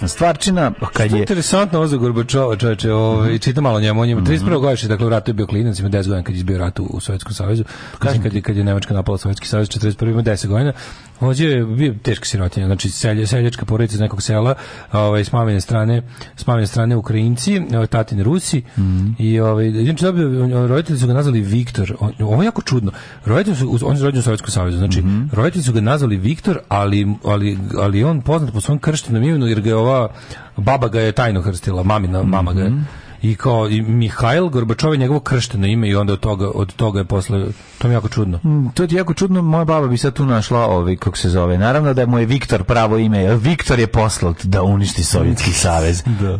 Ovaj, ali posle da onda je uzeo ime ali, znaš, Mihajl. Kako ono pravo, ona kako ono baš socialist success story, Soviet success da, story. Da, da. Ono vozio kombajne u kolhozu jebi ga posle rata gde se ono onda se članio mislim u partiju i tako. Pa dobro. Ove, kao kažeš da je krenuo od nule na Da, da, krenuo da, od nule. Na sceni. Krenuo od stigao do jedan. Krenuo od nule na sceni. krenuo od stigao do jedan, što bi se reklo. Čekaj da što kažu podruge. Ove, Čekaj, krenuo od prodaje fanzina da. da bi završio kao organizator svirke. Tako je. A je, Veliki stvar. put je provalio. Mm -hmm. Sve škole u Južnom Banatu dobili dojave bombi danas. Čestitamo, čestitamo svima koji slave. Danas je mm -hmm. Jurginu Klopu. Um, Čekaj, kaže, nismo, nismo još stigli do rođendana. Da si imao par da kupiš original patike i trenerku, trčao bi 9,87 na 100 metara i bio prvi i poslednji Jugosloven koji trčao ispod 10, uvaljivali ti klipove zato što si Srbin. Mm, naravno, ne, ljudi, ja sam na 60 metara trčao, nemojte, ono, ni imao sam para da kupim patike, ali nisam želeo da se potrudim. Tako je. Meni je tata obećao opremu Partizanovu za futbol, ako uspijem da žongliram loptu četiri puta, nikad nisam dobio Partizanovu opremu za futbol. zaključak. Ovi, mladen ortopedskim i socijalnog i džiberušnih nelona na fizičkom je teško ukrštenje čerijaca, fajer i perhana. e, jo, jo, Naked Gun Frank Drebin briše Gorbačovu mladež, da. Tako da, je. I obraća kaže, scena. I knew it! Da, prva da- scena. Da, A kad nokautira Homenija, izađe liku kresta. Znaš da mu otpadne turban po E, upravo su u školi moje djeci javili da stigu mail o bombama. Znam sve, ali ja. Da. baš sam uznemirena. Da, baš nemirena. Da. Juče nije bila emisija zašto Daško izlazio po splavovima. Pa mislim, jesi nosio maskiru majicu s velikim Z i pevao čke beogradske. Mm. Sve je otišlo u Q, a non rac. Ove, um, Pa kaže ovako, najjače što u srpskoj istoriji govorimo je najazdama Turaka, Avare, Huna i o doseljavanju starih Slovena. Da, mi da. smo se doselili, a ovi Pa ima mala razlika što mi se stvarno Sloveni, ovdje stvarno, koliko ja znam, nisu, nikak, nisu, nisu bili nikakve bitke. Pa gde nisu bili bitke, nego kako su došli? A, ja sam, nego da su, kako su došli? Bile su bitke? Pa, pa kako ne znaju? Daj neku bitku starih pa, pa Slovena. Pa ne znaju za bitke kad o njima piše Konstantin Porfirogenit. Pa da, ali 700 i neke godine. Bile su kao ovdje, su kao oni, došli su na nekom su kao oteli zemlju. U mater naravno da Stvarno, je da bilo da nije bilo ljudi, mislim. Pa ne, ne, da nije bilo da smisli da bilo kao retko nas da je bilo mesta za još ljudi, kao ne. Mm, ne postoji nikad nikad. Pa kako ne, ja mislim ima čovjek 10 hektara, pa neće da ti da da dođeš na njega i 10 hektara. Hoće 100 hektara sam da. Pa mislim. I moraš nasilno da mu otmeš da se ti. Pa možeš na vidi ti si došao i otac preživio si zašto si opljačko ubio drugog i oteo i pojeo. Pa dobro, tako ti drugačije da, da. to bi To je stvar historije. History is a history of violence. Pa mislim da. Znači, da, a vi sigurno nije bilo dobar dan. Zašto ne znam? Ja sam mislio da to stvarno bilo kao pa, pa-, pa kako bi se recimo ja, da, kako, bi se sad recimo desilo, ja to zamislio. E, da li, ja, ja sam istoričar koji najmanje zna istoriju. Ja sam da. skroz zaboravio. Ja sam zamislio u mojoj glavi da je to bilo kao varijanta tipa kao, kao, kako bi sad ovdje recimo roknula nuklearku Evropu i da se preživeli krenu kao stepama Mongolije u kojima malte niko ne živi i odjednom kao, znaš kako sam to zamislio? Pa da, nije to tako. Kao se skloni od nečega. Ono. Prvo nije tako izgledalo. Od loših prirodnih uslova. Ono. Pa Pa da, znači drugačije se izgleda te, te, te, te Loša strana rada od kuće je da niko ne može da prijavi bombu na poslu pa da dobiješ slobodan dan. Zove policiju, reci da imaš kod sebe, prijaviš... Ajde vidi, budi, budi malo avangarda, probaj prvi. Mm, da. Zove, kažem, prijavim bombu u sobstvenom stanu. Ko da. je tu? Neko drugi. Ko zove? Neko drugi. Ove, loše jutro i subotice. Meni jako sramota što sam rođen, živim u Subotici, što sam odvolio da neki SNS šljam zabrani nastup Zoranu Kesić. Da, Kesić večeras da. treba da ima nastup na letnju pozornici u Palićkoj. su mu rekli kao, nisu, kakva, kako bed. su bednici. Što to? Ja taj deo ne stvarno ne razumem. Ja ne razumem bazuku. Genijalno je njihova, pa njihova, pa na svakog komarca. Na svakog, znaš ono, pazi, a ono, ja, mislim, uz sve poštovanje Kešiću nama i sličnim je varijanta kao ne brinite večeras Kesić vam ne bi preobratio ni jednog slova. Neće vam preobratiti vaš. Tamo dolaze ljudi već razumno. pametni. A sad nešto je moguće? Oni ne vole da se pametni ljudi baš okupe na da, da, da, Jer da, kad se pametni ljudi okupe onda mm, razgovaraju, mm. a iz razgovora zna da proiziđe neka tako, delo je. Tako je, tako Bolje otkloniti mogućnost da bude delo. Kako su bedni, majko, a koliko su bedni.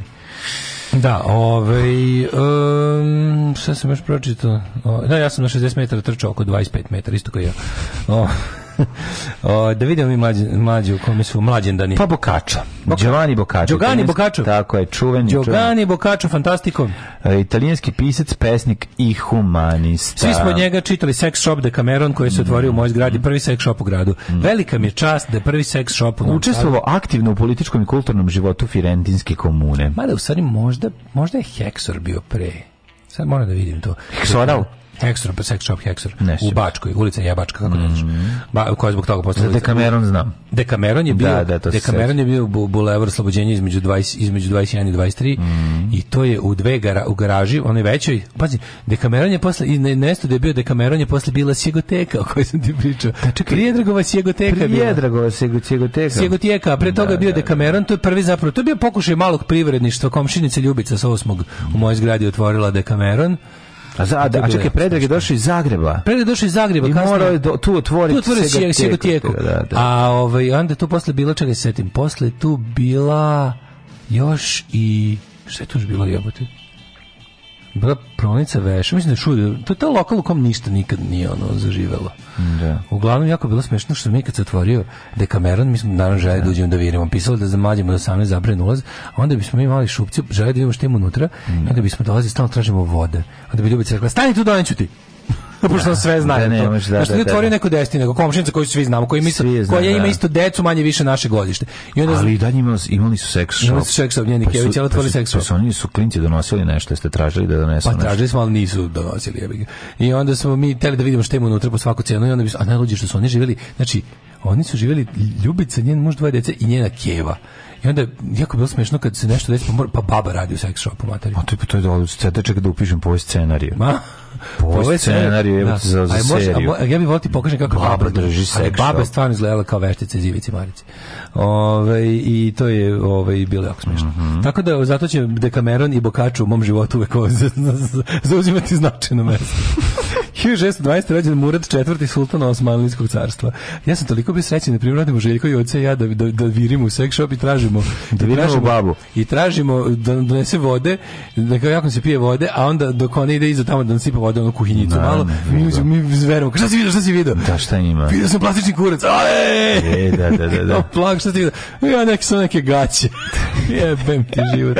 Virio, virio, vidio gaće. Virio, virio, nisam da. se navirio. Nisam se coronavirus. 1723. Bokačo, inače, Bokačo je, ako se ne varam, ovaj, za vreme velike epidemije kuge. kuge, kuge.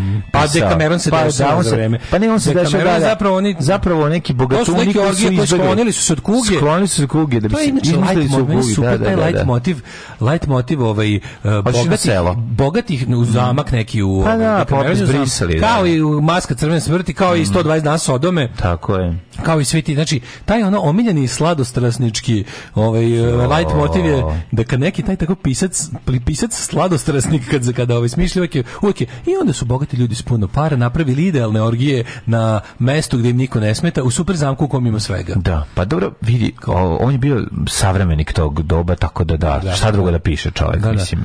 Hiljada, ovo je dodao kugu, da, neki što... Pa dodao jebanje na, na, na, na bežanje od da. kuge, pa da. Pa, pa da, treba se zabaviti, nemoš samo da bežati u životu. 1723. Da Adam Smith, ekonomista. Mm -hmm. Hiljadu, o, kako se zove njega, o bogatstvu naroda. naroda. Da, da, da. 1792. Sir Thomas Mitchell, australski istraživač. Mhm. Mm -hmm. Pa 1858. Gustav. 1801. Julius Pliker, matematičar, e, e, Vjekoslav Babukić, jezigoslovac. Mm 13. Oto Jan, Pa 29.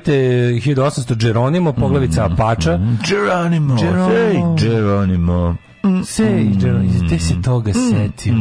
Ko je to?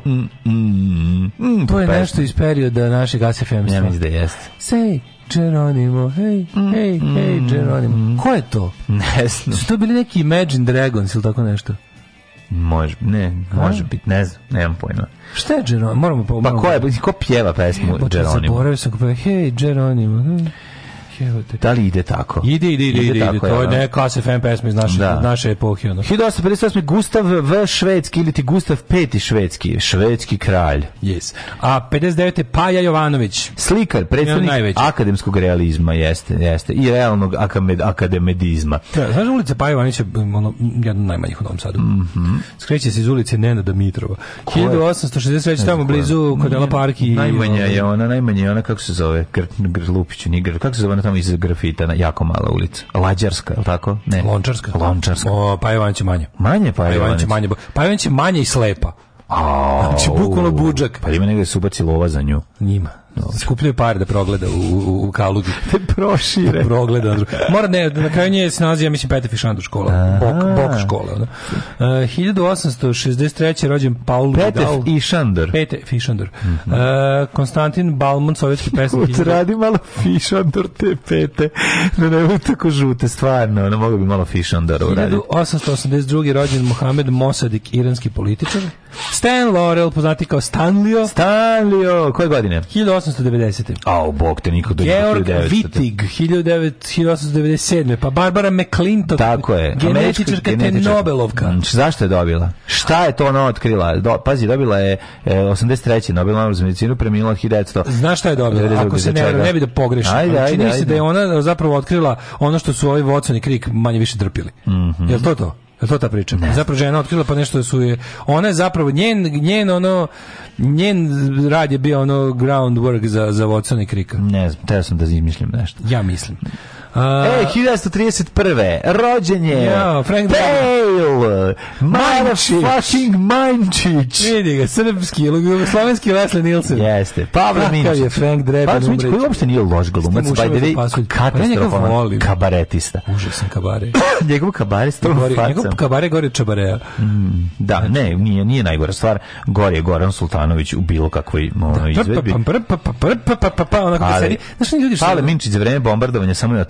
obožavao meni. i Njegov to sta, starovremsko, starovremsko sviranje klavira sa mnogo trzanja ramena. Rat, nešto što mnogo trzanja nego što ima političke ove kak fore koje baca između. vređaju. Da, da, da. A sad jedan politički. Da, da. Moj da. čovjek koji najviše politički Ne, dobar je bio, igrao je u građani, da li u, u ljubavno seoski način, tamo i glumio onog frajera, baš slatki. William Forsythe.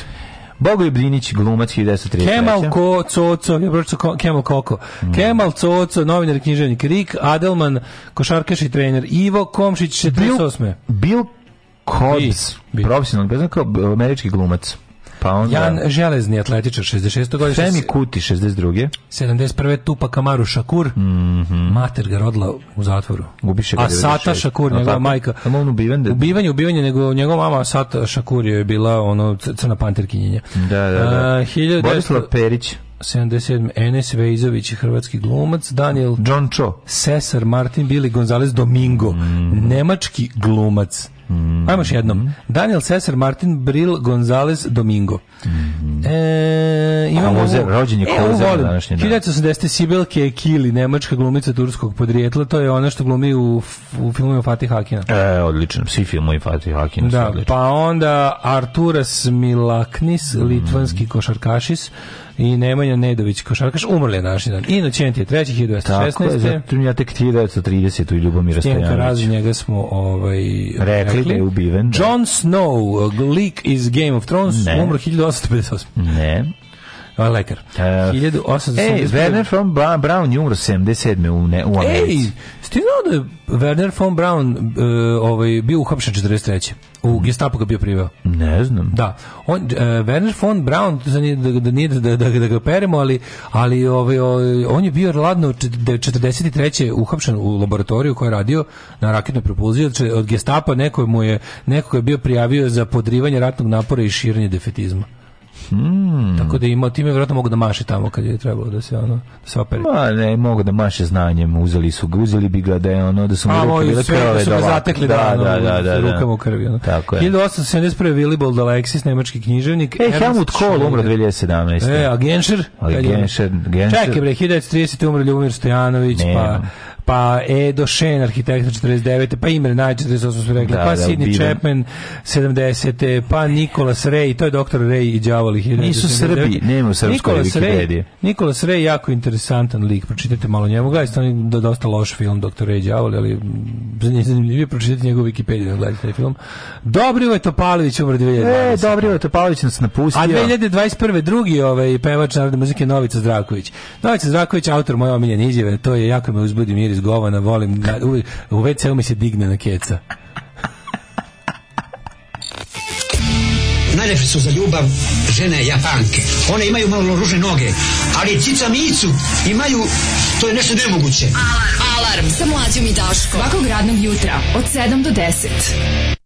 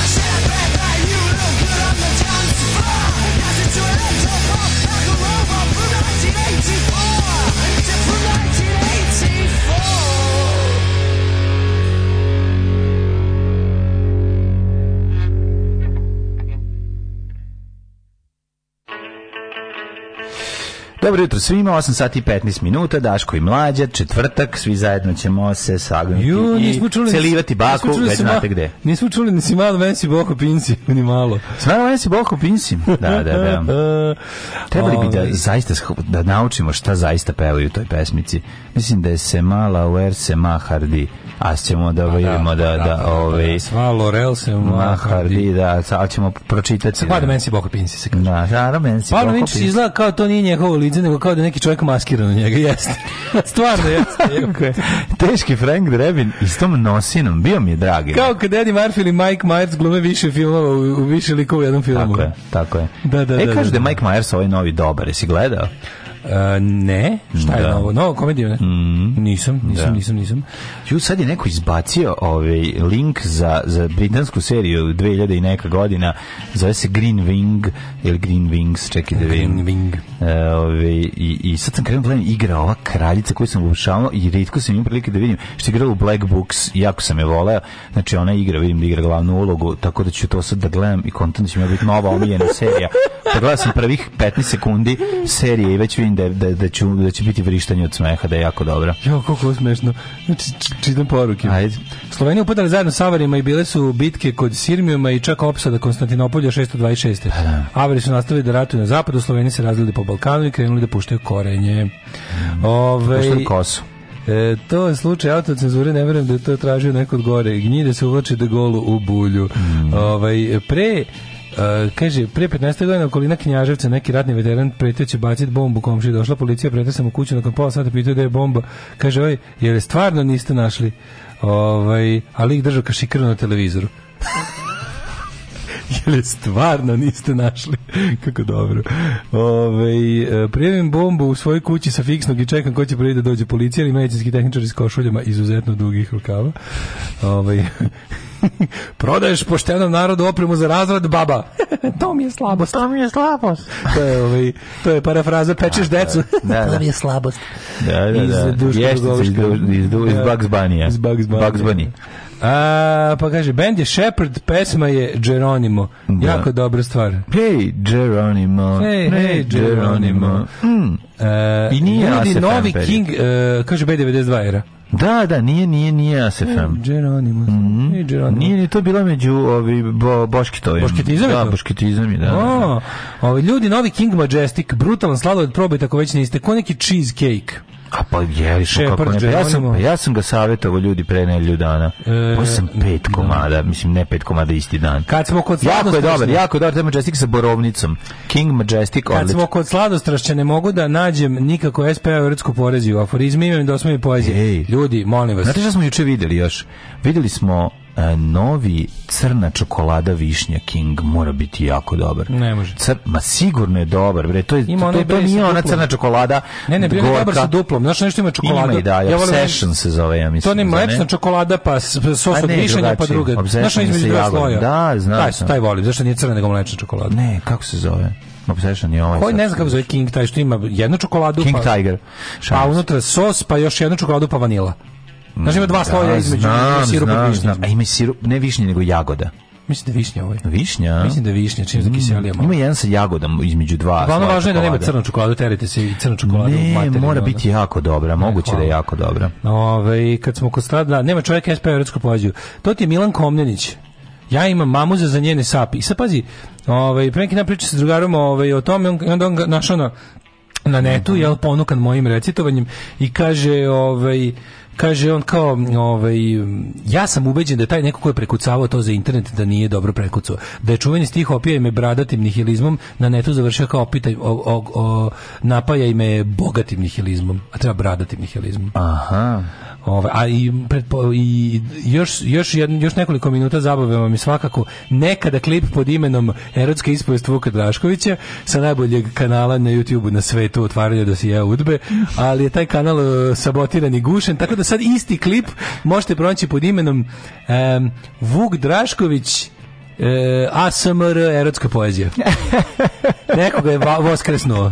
Kao i radnici Tovare Vuka Radnici Tovare Vuka Draškovića je najbolji video. Da, najbolji ali molim vas, mislim, erotska ispovest znači, Vuka Draškovića... Jedino draže zove... toga mi je antologijsko filovanje torte. Da. Znači, postoje ali, kažem, dva videa. Erotska ispovest Vuka Draškovića se sada zove e, Vuk Drašković erotska poezija ASMR. Aha, aha. Da možete da uživate u pravom ovaj, genijalno nečemu. Mm. A, pa kaže, jeste gledali animiranu seriju Over the Garden Wall? Uh mhm. -huh. Novi Mike Myers se zove Pentav, Pentaverate. Pentaverate. Ma, Mike Myers glumi bezbroj uloga. Tajno masonsko udruženje, jedan od njih je Meštar Dubrovački. Majko bila. Ovaj ljubim tvoju čavku, ne, pf, ljubim tvoju čavku, nema ljubim dalje šta da se čita. Čavku. Jao, hvala, hvala, hvala. Molim da ne priča o sladoledu posle plombira sa ukusom dizela. Šta je sledeće? Sladoled od paprikaša. Višnje, crna čokolada u okviru. Prvo, ljudi, kvatro, najlepše želje je nešto nemoguće. Čekajte, čekajte. Ajde nešto, znači, nemojte vi što, vi što ne volite plombir. Ja sam pre, pre nego što sam ga nahvalio objasnio da je on lider u ukusu našeg do, do, do detinjstva. Ne. On je Sneško u našeg detinjstva. Nije ni Sneško, nego je Somboli. nego ima Panča. onu ima onu gnjecavu, ovaj gnjecavi kornet koji je sa, samo pravio... No, plombir kornet, ja sam mislio plombir na štepiću. Ne, plombir je plombir je bre čaša kornet. Razumeš, otvoriš, držiš ga u ruci kao čašu i unutra je taj beli, ono naj ono basic sladoled na ima ukus našeg detinjstva. I to je sad kome to nije bilo u detinjstvu dobro, verovatno mu sad neće biti dobro. Ko je malo matori, setiće se toga i evociraće neke lepe uspomene. Zato se meni te sladoled sviđa. I, i starija ekipa koji god sam predlo, dao, da, da, predložio da probaju, svi su rekli da je to, da je to istina što sam rekao, da pod, ih podsjeća na, na ukus detinjstva. A sad vi koji ste se rodili u radijatoru... Šta ja da Vama se ne sviđa, okej. Okay, Daj ti nama, da imamo what kind of weather is expecting us today mm -hmm. of time.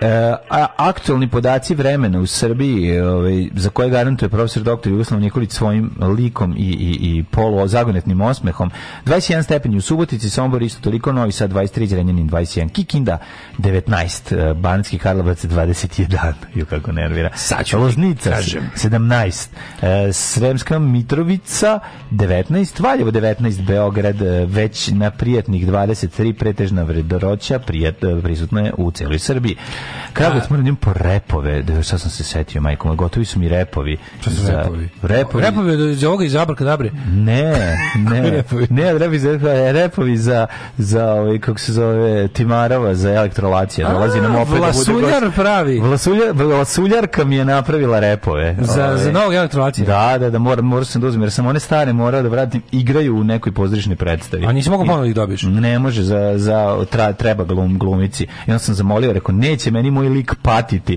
Tako pod tuđim neće, repovima. Neće Napravi mi repove za elektrolacija, ono, šiške imam. E, ove, ispod miške. Negotin 20, Zlatibor 16, mm -hmm. 16, Požega 13, Kraljevo 17, Koponik 11, Košumlija 15, Kruševac 18, Ćuprija 18, Niš 17, mm -hmm. Aleksovac 16, Zaječar 17, Dimitrovec 17, Vranje 16. Mm -hmm. E, mm -hmm. I to bi bilo to, svude vedro u Srbiji, mm. Da. lepo vreme. Lepo vreme izleće narednih dana biti lepo, sad ćemo da vidimo. Biće, biće. Možda će vikend biti dobar, sad vidimo šta kažu. Biće, biće, biće, biće, biće, biće, prognoza, će biti neke kiše. Možda nedelju dete. Ba, biće, sutra možda. Možda nedelju dete e, letri na Borkovac. Sutra možda grune nešto, ali ostatak vremena samo lepo. Ponedeljak 34, pravo leto. Čekaj, ponedeljak dole, dolazi i pravo leto. E, ne, ne 22. dolazi pravo. 22. 22. Znači 34 u ponedeljak. 34 u ponedeljak. Da. Evidentna je pojava, na primjer, da pojedine starešine zloupotrebljavaju čačkalicu. Molim vas. Izvolite. Imate čačkalicu? Ne, ne držimo čačkalicu. Hvala. Alarm sa mlađom i Daškom.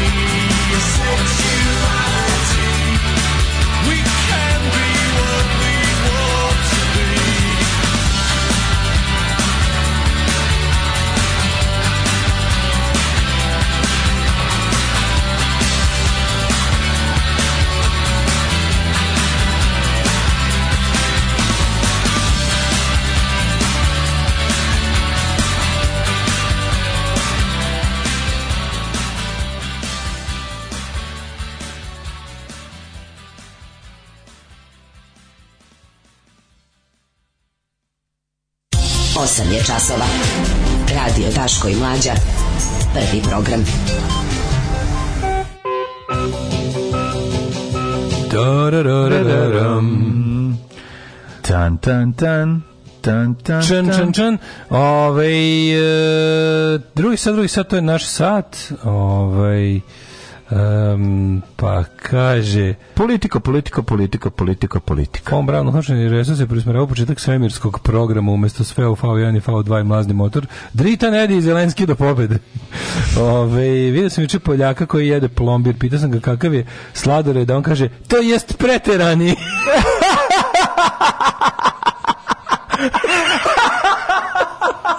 to je preterani. Ne mogu umreći, ono je.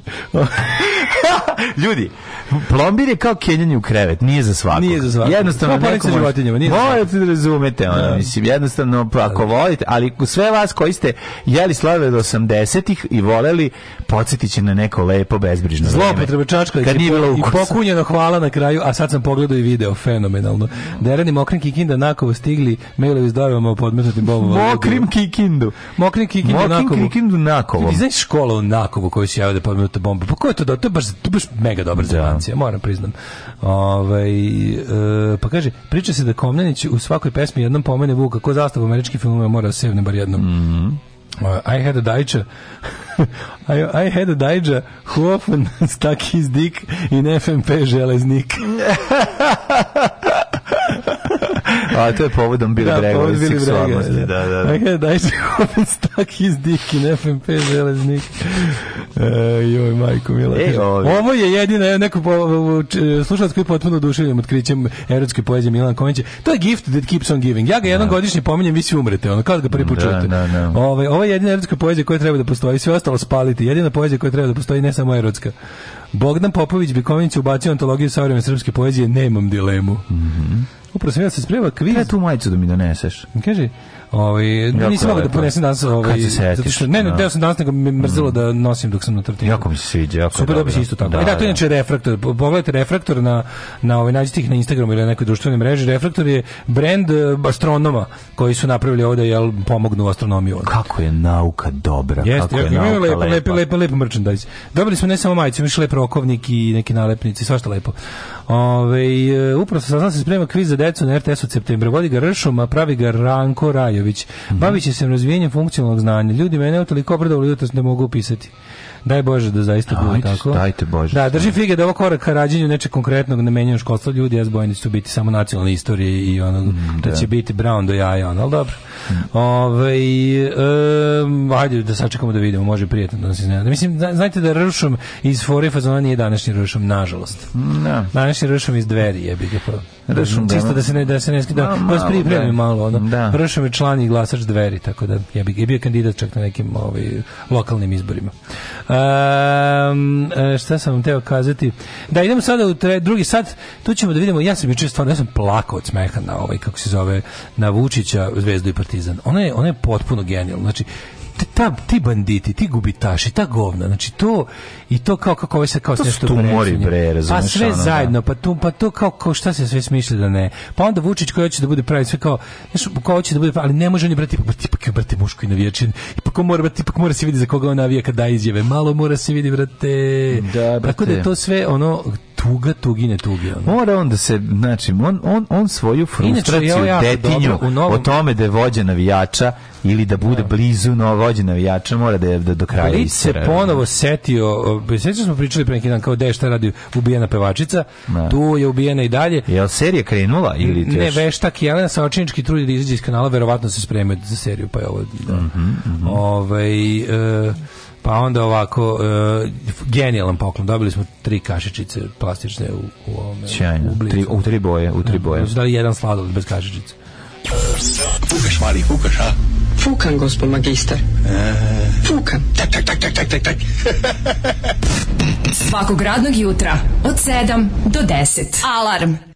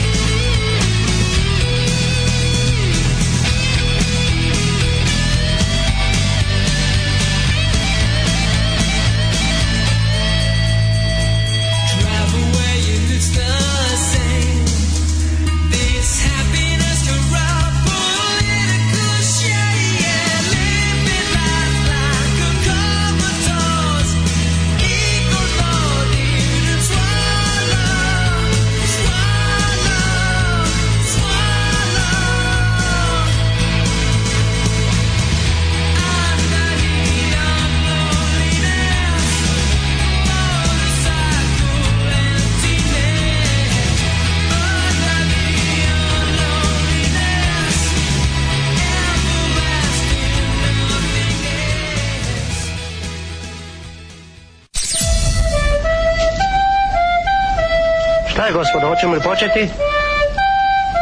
Ne. Pivaj. Ne znam to da pevam.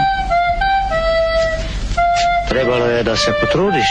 Nisam želeo da se potrudim. Alarm svakog radnog jutra od 7 do 10. Do 10.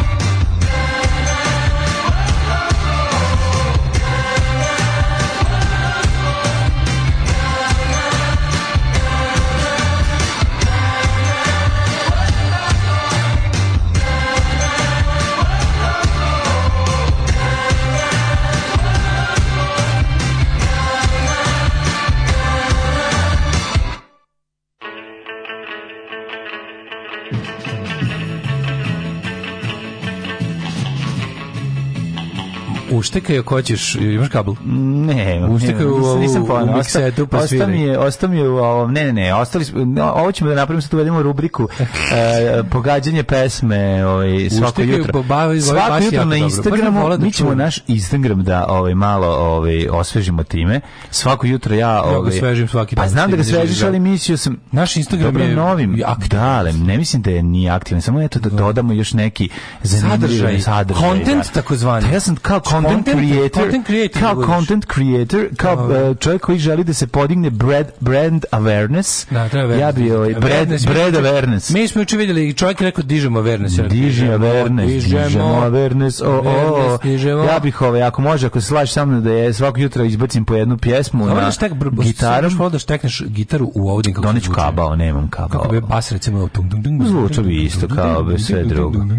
Da, da, da tu odsviram i da ljudi kažu koja je, da ljudi pogode koja je pesma. I to je zanimljivo. Pa i to je zanimljivo bolje ovako da, da, da još jednu društvenu mrežu malo i bude i ceo dan može da se pišu komentari, da, da, da, ljudi i tako. Lepo je. Ljudi, žene i deca se raduju kad čuju prijatnu muziku. To je istina. Mm. Morate krenuti da slediti Reels, to je sada in. Pa može i kao Reels. Ovaj... Um, Jel ima kikinski MUP uopšte ekipu za bombe, baš me zanima. Koliko ozbiljno se radi provjera? Ma ne rade se ljudi provjera. Kako može da se radi 4566 provjera? Mislim, znaš, ono, to nije dečak koji je vikao Vuk, to je dečak koji je, ne znam više, ono šta, Tvitov Vuk, ono. Ima ekipa ovaj. kikinska za provjeru za ganđu. Je se provjere rade ofrlje zato što svi znamo da nema bombe. Pa, naravno, A, pa se radi preko ove, ovaj, one stvari. Ono. Da. Napisao Vlaški mlaga, spremačica kaže, ja sam sve pregledala tri puta i zaključala, ne mogu... Pominjete lepotu nauke, a meni izađe na Instagramu Vladika Grigorije kako poziva ljudi u crkvu da odgonetnu pitanju smislu i postojanju da nađe utehu. E, Naravno. najviše mi je muka kad mi neko nudi Vladiku Grigorija da. kao odgovor na bilo šta. Odjebite mantijaši od politike, znači od, komplet zajedno, odjebite od nauke, od ne politike. Ne može ta firma mora da dakle, Popove u crkve. Da. Znači bukvalno popove u crkve, veronauku u crkve i veronauku u autoškoli i veronauku u kladionice. Da bude sve zajedno. Ove, ovaj, um, kaže, morat će da vam se radi isterivanje staklene zgrade, slično kao isterivanje djavola iz, iz tela. Istero sam ja jutro sa hofi cuki sandvičem da. sebi. Mlađe nije ovaj, pravi pankira, nosi sobstvenu majicu na sobstvenom koncertu. Mora da se nosi majica benda koji utica na bend ili prijateljskog benda. Ne, ja sam to poneo da bi ljudi znali o kome se radi, pošto da. mi manje na da- poznatim stvarima, da. ne nas ljudi dolaze, naši ljudi samo koji nas da, znaju. Daško na čelu. Ja to ne, ne nosim. Međutim, nosio da, da sam ne gre, da, kao reklamu ljudima tome da bi znali o e, kome ja se radi. volim kad ljudi ne znaju koji je ko. Kako to smiješno? Kako, e, kao, volim ja vas, kao. I onda mi kaže, e, mlađo, ja kažem, molim. I tako, bude, bude, ja sam podiš. bio Daško i žena des puta. tako to, da, to. Kaži mi kako je bilo. Pa kurac sam bio nešto. ne znam kako je to Kaži mi kako je bilo. Pa kad mi se obrate, ono, nešto. Ja, govore, Kaži mi kako je, gde se Ne da sam lagao. Ja sam se malo odmorio, ovaj, bio sam mlađa, ja sam odmorio tog raskalašnog života, ali sam bio, ali sam, ali sam, smera, smera, smera, bio sam dobar čovjek. Smera i korve, samo mi daj jaj smera i korove, ništa drugo mi ne treba, znaju šveđani šta je. Ove, ovaj, i, e, mlađu. Mm -hmm. Ali onda posle kad sam se vratio da budem ja, sam baš uzeo da gledam ovaj, Prič, me ti medije. Futbol, mislim, izvini, ti si futbaler, znači, sad jebi ga, jesi. I mene sad pogađaju ove teme više strašno. nego ranije. Ispričaj mi kako si prihvatio činjenicu da pa, predsjednik ipak izgleda voli više jedan ne, ne, drugo. Pa voli, mora da pokaže, ali povela se rasprava o tome koliko, koliki su gubitaši preduzeća Partizan i Zvezda, sportska društva. Ta. Znači, sportska društva u okviru koji deluje... Kako to može? U, kako ne može? Kako? Pa pazi, pa to ste da- malverzacije. To, ni, to, e, mislim, to da, e, to da trofejni klub možda bude gubitašni ništa novo. Znači, imaš da. i u istoriji mnogo komercijalnije klubove sa mnogo većim brojem navijača, ne u smislu, navi, na šta znači navijač na zapadu? Čovjek koji plaća nešto klubu, mm. koji plaća članarinu, koji ide, plaća ozbiljnu te, ove, ulaznice po tržišnoj ceni. I televiziju, koji kupuje, da kupuje pa, sate gledanja fudbala. Sate gledanja kupuje pinkle, kupuje redovno sve što klub prodaje. Da. Što su, e sad, možda, znači, klubovi s takvim navijačima znaju da upadnu zbog loših poteza ili loših igranja upadnu u finansijske nedaće i jebi ga desim se svašta. Zbog, e, na primjer, kažnjavanja, pošto liga ti je zapravo, liga ti je neka vrsta, ono, futbalska liga bilo koja, ti je neka vrsta, ono, pa neću kažem strukov, ali to jeste neka vrsta strukovnog udruženja profesionalnih futbalera. Jeste to rang takmičenja, jeste to rangiranje kvaliteta futbala zapravo liga, ali u isto vrijeme to je komercijalna organizacija prema kojoj učesnici imaju obaveze finansijske. Mm -hmm. I onda ti kada, ovaj, pošto stvari tako stoje, ti prema toj organizaciji imaš, i sad od imaš financijske obaveze. Koje ako ne ispunjavaš liga te izbaci, ali obično to ide ruku pod ruku sa jel sportskim neuspesima baš na terenu, mm -hmm. ali i kad ne ide, znači jednostavno ako ne izmiriš obaveze prema ligi koja je u većini zemalja zapravo pa neću, ne može se reći, negde može da se kaže potpuno privatna, na primjer, ne znam, ono FA je ono Carling FA ili kako već neka firma stoji, za, mm. govorim za englesku, pa ne znam, u, u recimo mislim da u Nemačkoj Mislim da razlika između nemački i engleski recimo da, da je, da je, privatnija i to jest da je, da je, da je recimo engleska ono holy private, ono Company, a ne holy u smislu ovaj, sveta, nego u potpunosti sa duplove. Ovaj, I onda, ovaj, kad, kad tako to ide, onda tako, tako, tako, tako može, može da zglajzaš ako ne plaćaš jebi ga obaveze prema, prema, prema udruženju. E sad, kod nas to nema, mislim. Znaš, ono primjeri klubova koji su zbog malverzacija, loših financija, pucali toliko da ih baci u treću ligu iz prve. Mm. Ne znam, mm. mislim da je ono, ne znam, Rangers je tako prošao, pa ne znam, Bordeaux, Bordeaux u Francuskoj. Ajoj. Bordeaux ti onako jedan od najtrofejnijih francuskih timova pa da. koji se našao u trećoj ligi prvu, drugu i po trećoj propada, propada, sa ne znam gde su, se vratili, oni su pojma. Ne pratim, ali, ovaj, ali kažem ti, to što su oni jako veliki i imaju puno navijača ne znači apsolutno ništa ako krše pod jedan zakon i pod dva zakon zemlje Dobar. koji se odnosi na poreze. U zemlji pod dva, postoje zakoni. Da, da, u zemlji postoje zakoni. Da. Ali kažem, iz, i, klub bi trebao da se drži dva zakona. Jedno je zakon zemlja, to je da plaća kao, kao firma i komercijalna, kao komercijalna organizacija koja proizvodi profit da plaća porez, a drugo da izmiruje obaveze prema svojom strukovnom udruženju, a to je liga ili federacija. I onda ovaj asocijacije, kako se mm -hmm. zove. Kod nas slučaj da dva najjača tima u svakom smislu, ali ubedljivo najjača tima. Znači ne samo po broju navijača, nego po sportskim uspesima. Niko ne može prisvojiti ta dva tima su osvojili 95% svega što se može osvojiti u ovoj zemlji. I onda je varijanta da oni takvi porezni su platili ono mislim nikada verovatno. Drugo, umesto da zarađuju novac, oni ga non stop gube na malverzacijama koje idu od prodaje igrača do uopšte vladanja, on poslovanja na bilo koji način, odnosno nekomercijalnog. Mislim, kod nas ti, kod nas ti, koliko nas ulaznica za, za, za utakmicu naše prve lige? Pa to to i koji plaća? Ne znam, pa košta, mislim. Ma košta, ma da, sutra da, malo večer ima, bit će besplatne ulaznice podine, pa odakle to? Prejedno je. A zašto se to radi? Zato što su, zato što je kod nas, aj sad ne ulazimo. Zato što država Srbije treba da se zove Zvezda Srbije nikad Jugoslavije. Pa da, zato. ali, ali verovili ne partizan dugo više od Zvezde i to mnogo. Znači Partizan duguje više, Zvezda je više. Partizan je mislim pa Partizan rekao, duguje više za porez. Partizan je broj 2, mislim, Dobro, broj 2, ali, ali je dužnik broj 1.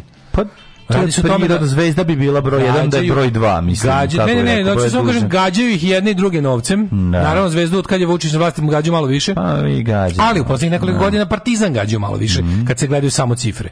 To šta sve oni mogu, mislim, nije to samo novac. Važno je ono ono što mi ne vidimo, što se ne može izmeriti konkretno monetarno, se može u šteti koje se napravi.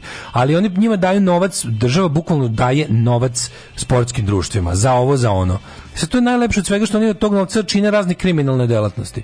I onda pritom ostvaruju neki profit koji ide koji opet zapravo ne ide k sportskom društvu kao sportskom društvu bilo zvezdi bilo partizan Ne, njima kao pojedincima, pojedincima a, pa a pritom ne ostaje ništa za porez pa šta misliš čega su ovi u ono na stadionima pravili sebi ono bunkere vile salone zabave i budalaštine ono sećaš se kad će da, pa-, pa, misli to je ajde to sad to smo to smo sad samo ispričali to smo sad samo ispričali kako funkcioniše krađa čista krađa preko sportske društva. Aj sad da vidimo šta ćemo ovom se prodajim, se prodajim igrača. To je isto to, to to to to sve Pa da Aj sad da vidimo, aj sad vidimo drugu dimenziju koristi da. ovakvih klubova za ovakvu državu. A to je bukvalno to je za njih ideološki regrutni mm. i ne samo regrutni centar, pa nego to je vojska. To je vojska. To smo pričali isto hiljadu puta i jedni i drugi navijači. To je para vojska, zapravo, zapravo para vojska u službi vladajuće stranke, ako mhm. nije čak ni stranke, onda vladajuća ideologija koja je uvek ista bez obzira na stranku.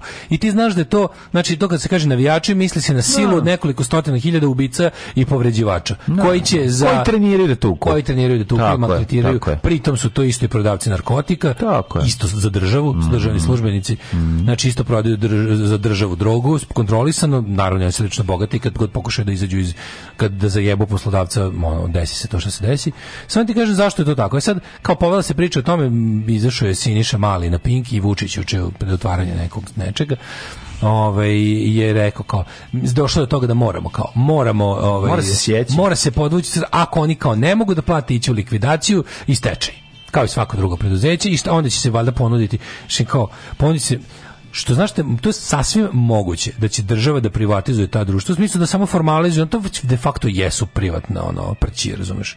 samo određenog broja ljudi. I oni će možda njih da transformišu u neki deo ili nešto. Pa znam, šta mislim, da oni će imati vlasništvo prostorije na stadionu. Šta mogu da imaju? sve, samo će se kupiti. Pa ne, će se možda, možda će se uzvaničiti ono što zaista već jeste tako. Mislim, znaš, ono kao, pa mislim, to stadion je u vlasništvu države. Neće oni kupiti stadion taj. Pa kao možda hoće, razumeš. Oni će prodati stadion pa, da. navijačima. Pa gledaj, stadion nije u vlasništvu države. Sta...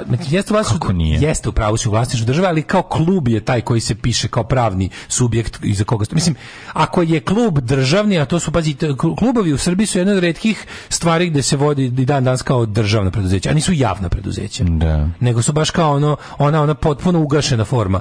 Kao komercijalno preduzeće koje nije od javnog značaja, Nije to servis državni, pošto sva javna preduzeća su manje više preduzeća neophodna za funkcionisanje države. Mhm. A nekada si u socijalizmu imao kao državno preduzeće za proizvodnju ploča, razumeš, ono, da, da i, da. i stripova i to više ne postoji. Ta, taj vid, znači postoji javna svojina u smislu upravljačkih kompanija koje su neophodne za funkcionisanje države, dok je sve što je komercijalno privatizovano. E sad, ovi su ti jedan redak, možda i jedini primjer, ne znam da mi padeš nešto na pamet, mm -hmm. gde oni kao nisu javno preduzeće, ali su ono kao uh, komercijalni entiteti, a pravna lica, ali država stoji za njih većinski. Sad, ti si imao neku varijantu da je da je ovaj uh, već si ti imao zapravo nije prvi put to što će da proglase da im proglase stečaj. Ako se ne mislim da je Zvezda imala jedan stečaj za, za moga života. Od to nešto od Kaj je to bilo? Da bio neki stečaj. Mislim, nisu ni zbog toga likvidirani. Decalo se kao, a onda ih je kao neko magično izvukao iz stečaja, pošto se to isto kao dešava, dođe neki stečajni upravnik. Mislim, a to je zapravo kad proglasiš stečaj, a pritom ne likvidiraš. kaže nema stečaja i nema stečaja. Ne, ne, ne, nego ako proglasiš stečaj, ne likvidiraš kao što bi trebalo, jer no. mislim beyond repair, ono, ne može se popravi. Ako to uradiš, onda si ti zapravo ovaj onda si zapravo naprizvao još jedno ono kako kažu Amerikanci bailout države da ti komercijalni subjekt opet izbavljaš novcem poreskih obveznika da bi ovi nastavili da pravi gubitak. Pa da, pa da. A imamo situaciju da su mislim kao to su neviđeni gubitaši. Neko je rekao kaže bila je analiza ovaj poslovanja. E, bila je analiza poslovanja svih vodećih klubova na svetu pa ispalo da samo Manchester United bio zapravo solventan.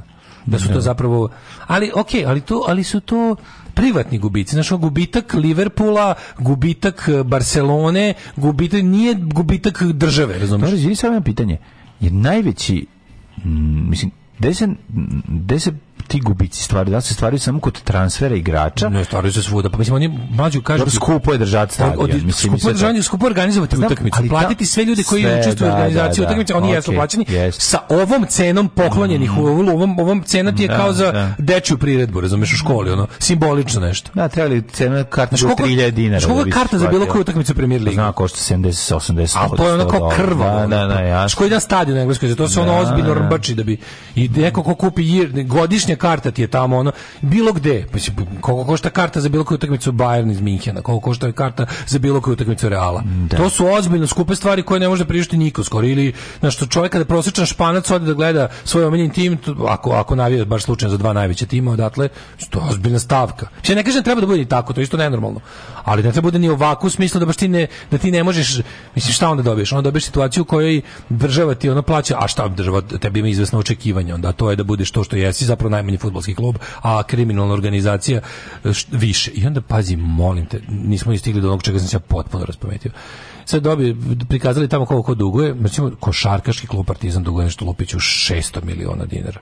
Košarkaški klub Zvezda duguje 90 ali recimo futbalski klubovi oba duguju ono tipa preko ono milijardu dinara s tim što opet Partizan duguje više i sad pazi to jadno to jadno rivalstvo kao mi toliko smešno. Znači nama nama koji nismo ono kreteni jedne i druge vrste, da to kao kao da gledamo ono takmičenje između ono naš ono dva ono teško poremećena čovjeka od kojih jedan hoće da bude ono manje poremećen od drugog. Kao i kao i stvarno vam govori oni ko duguje više od nas. Znači, onda ovaj kažu, da, vi dok onda vi smišljaju izgovor, zašto je to tako, ono. Ja gledam, ono, stvarno, pa ono, sram vas bilo i jedne i druge, stvari, boli vas dupe, šta da vas sram, sram bilo nas, da, smo, ono, smo debili. I onda kaže ako, i zvezda, naravno, izda saopštenje. Uh, nije u redu da se priča da mi dugujemo milijarde kad mi dugujemo zapravo milione. Zvezda duguje mnogo manje od Partizana. Mi dugujemo za razliku od nekih. Za razliku da za, te, teško za razliku teško od nekih. Za razliku od nekih, da. za razliku od nekih mi dugujemo svega 98. Nađite mi čoveka ili firmu koja nije povezana sa SNS-om da se desi da duguje 98 miliona. Pa ono zatrli bi mu seme otprilike, ono obio bi obeše na trgu ono za kurac. Znači bukvalno. I onda mi kažu, ali kao ne može se to tako reći, jer slušaj ovo, molim te, ovo je sad bilo, ne. Da. ja sam ja sam bio u zonu, nemoguće da su ovo napisali. Ovo je bezobrazluk koji mi kao Zvezda je naš najtrofejniji klub s najviše navijača, a ti navijači su građani koji svi uredno plaćaju porez. Šta to? Ko znači? naši navijači su svaki platili porez, dakle to tako da smo mi platili porez. to je, ja nemam, ja nemam, ja nemam reči, ono kao, to je baš, ja ne znam koji je to stepen, ono, to je jedno... To je idiotizam, bre, to je idiotizam. To je, to je bahatizam. Pa da onda, onda pa kad to nije bilo dosta, kad sam to pročitao, kao tipa nemojte vi nama kao kad naši, vi znate da mi imamo naši kao skoro svi kao mi smo skoro mi smo skoro kao srpska pravoslavna crkva. Pa svaki kao, tipa, pravi srbin, svaki srbin je zvezda a, oni, a, a, dobar deo njih plaća i porez. porez. Dakle da. računajte da. da smo mi platili porez. Ne, oni hoće kao crkva da se slobode, da se slobode porez. Ako može srpska pravoslavna crkva da se izvezdi ni da navijači i izvezda slobodi porez. Znaš, Niko ne treba da plaća ništa. I onda i oni kažu to, onda izađe Vučić koji kaže dva još genijalština na to sve da ono e, insult to injury izađe kaže vidite prvo i onda nabravi kaže moram samo reći da Zvezda mnogo manje duguje od Partizana a vidiš sreću u tome, jebote, znaš. I onda pa opet, i onda opet kao nakon svega rečeno, on opet učini kao, a jebi ga, Partizan ipak mrvo bolji. Znaš, i ono kao, znaš, mislim, kada, kada, kada gledamo tako stvar. Pa kad gledaš, naravno. Kad gledaš, on tako kao vadi, to samo da kažem da Zvezda, inače imam mnogo, no, mislim, moramo to moramo reći, kao to, da. mislim, sad možemo biti pričati to već pola sata. Što mi je Zvezda le? Slušaj, samo da znate da. Nema, zvezda, šta je problem? Na, da, zašto samo da znate da. Zvezda! Slušaj, ovo, da. zašto je ovo delikatno pitanje? Ja kao čekam, zašto da Zato što I onda kao ima istraživanje, on debil koji istražuje sve, koji bukvalno sve svakog sata istražuje, kaže 91,8 navijača u Srbiji navijaju za ova dva tima. Znaš, ono, kao, i to je sad kao nešto treba da nam znači. Pa boli me dupe Znaš to kako bi rekao, ono ne znam, ono... Boli me dupe za navijače. Da. Boli me dupe za navijače, jebe mi se za navijače. Kako je, čemu ti pričaš? Kako je, što, kako je to, kako je to ne socijalni pos, faktor? Ne ono? postoji zanimanje navijač. Zemlju koja nas boli ne dupe za... Ne postoji zanimanje navijač. Ako ćemo da gledamo socijalne kategorije... Ne zanima me. Ako, ako ćemo da gledamo socijalne kategorije po raznim tipu, ono kao kriterijumima, u ovoj zemlji ima toliko i toliko, ne znam, trudnica, žena, majki, radnika, invalida, ovog onog, ono, ko njih pita koji procenat oni čine? To je kako bi rekao, kako bi rekao, čak 80% ljudi više voli lešnik u eurokremu od onog crnog. Ma znaš šta to znam? Zapravo, ne više ovako više pa varijanta. Ne mogu da ukinem, znaš kao, znate, znate šta, mislim ne možemo da ukinemo džeparenje jer 76% e, od svog kriminala u gradu je džeparenje. A, a, a, kriminal, šta kažeš, sam po sebi normalan. Da, da, da. Ne, prvo kaže to. Ne, prvo, prvo da se rešimo, pa Znaš kako to zvuči? Navijaštvo nije nikakav posao. Mislim to to je prva strana priča o tome. Znaš, prvo to je znači? to je to je vrhunsko statističko govnarenje u smislu vidi ovako mlađu 50% daška i mlađe je mlađa to, to, da. ti je ta statistika 50 pa znači da 50% da, da. daška i mlađe nosi naočare to je ogroman, procenat tako neverovatno visokoj populaciji tako ti je ovo znaš kao znaš kažeš da ono sve možeš tako da predstaviš kao 90% ali čekaj ajde da mi da vidimo šta uopšte to znači kako ste vi u stvari izračunali. Hajde da prvo vidimo ko su uopšte i šta su uopšte u Srbiji navijači. Pa da onda da vidimo njihovu kakvoću. Pa da. Nego on kako je to rekao, to normalno čovjek odzvanja u glavi tipa da 90% stanovništva navija za Zvezdu ili Partizan. Zato to je A to ne znači to. Pa ne, Nego od znači. svih ljudi koji sebe nazivaju navijačima, dakle. 91% su ova dva kluba. Mislim, da, kao, ne stvarno, baš se misli da je radnički iz Niša. Ono. Pa, ali čovjek koji mi kaže da mu je glavno zanimanje navijač. Da, je kurac. Pa ono, mrš, da, ona kako je naš... Marš se meni zgubi da ne plus zločin sunčeve gla, gla, ne, ne, nego glavno zanimanje, pa da, pa mislim to ne to zanimanje čist normalno. Pa skeveti, ona, neš, kako može A da bude da zanimanje. Ti, ako ti stvarno u pravu i to ti jeste zanimanje, odnosno od toga kupuješ sebi ono hlebi i kiselu vodu. Onda onda smo mi, onda svima nama problem to, ne samo tebi.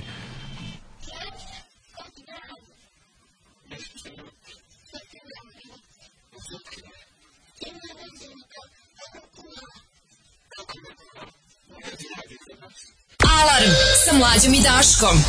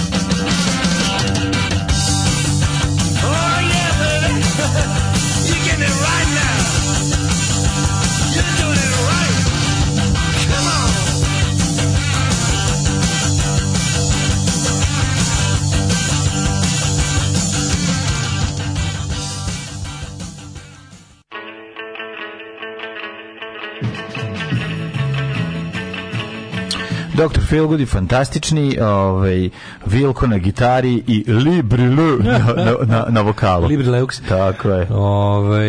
Kakvi, ono, genijalci. Mm, Daško je uračeno lovo od Gazproma, Agrobanke, Marfin banke, ukupno 65 miliona evra kredita nije vratila, možda su 50.000, 500.000 evra vratili, uzeli 25 miliona evra od banaka njima još duguju isto. Mm -hmm. Ove, ovaj, ne smije se zaboraviti činjenice da su Marakane i Janan izuzetno zanimljivim lokacijama. Zamislite koliko trži centara i gipsanih stanova može da se investira tamo, pa bolje to nego, nego te dve. Pa, naravno, da te dve, pa ovaj, da. kako bi rekao, jedno je ono, jedno je stadion u Nimbergu 38. a drugo je ono Reichshaupt eh, komesarijat, ono. Mm -hmm. Možete birati šta je koje. Eh, kao čuveni navijač zvezde mogu reći da je to kod nas prejeftino, ali mora se uzeti finansijski moment. 2019. za paket karata za Ligu šampiona bio 300 evra. Uh, da se ugasi zvezda i partizan, ceo sever jug poslati na goli otok, kapiram da će Hrvati da prihvate ako im se dobro plati. Sravniti se zemljom oba stadiona, ovo kad bi se uradilo, sport bi procvetao ovde. E, pa kaže, ja sam sa svojom advokatskom kancelarijom platio 50 crvenih vajferta jer sam sa danom zakašnjenja poslao neki dopunski finansijski izveštaj. A navijač sam zvezde. Gde i koga mogu da tužim za diskriminaciju?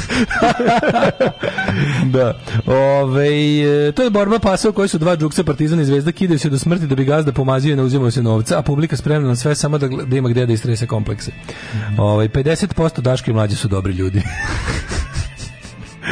Ti 98, 91%. Izdvoji po 1000 dinara mesečno, dobrovoljno i sve super. Lova iz budžeta onima kojima stvarno treba. Ili da svi tražimo lovu za svoj hobi od države. Evo ja volim dronove, nunčake i ganđariku. Sigurno sam da ću naći još 100 takvih, napravimo udruženje, tražimo lovu iz budžeta. 98% ljudi vas voli, voli sve, to, tri stvari. sve tri stvari. Da, da, da, da, da. I lepo svako za svoj hobi dok ne ode sve u kurac i do jaja sjebali smo državu. Ove, vratio se kumara Steva Koženje, to je za mene ovaj, apsolutno ovaj, kako se važna, važna stvar.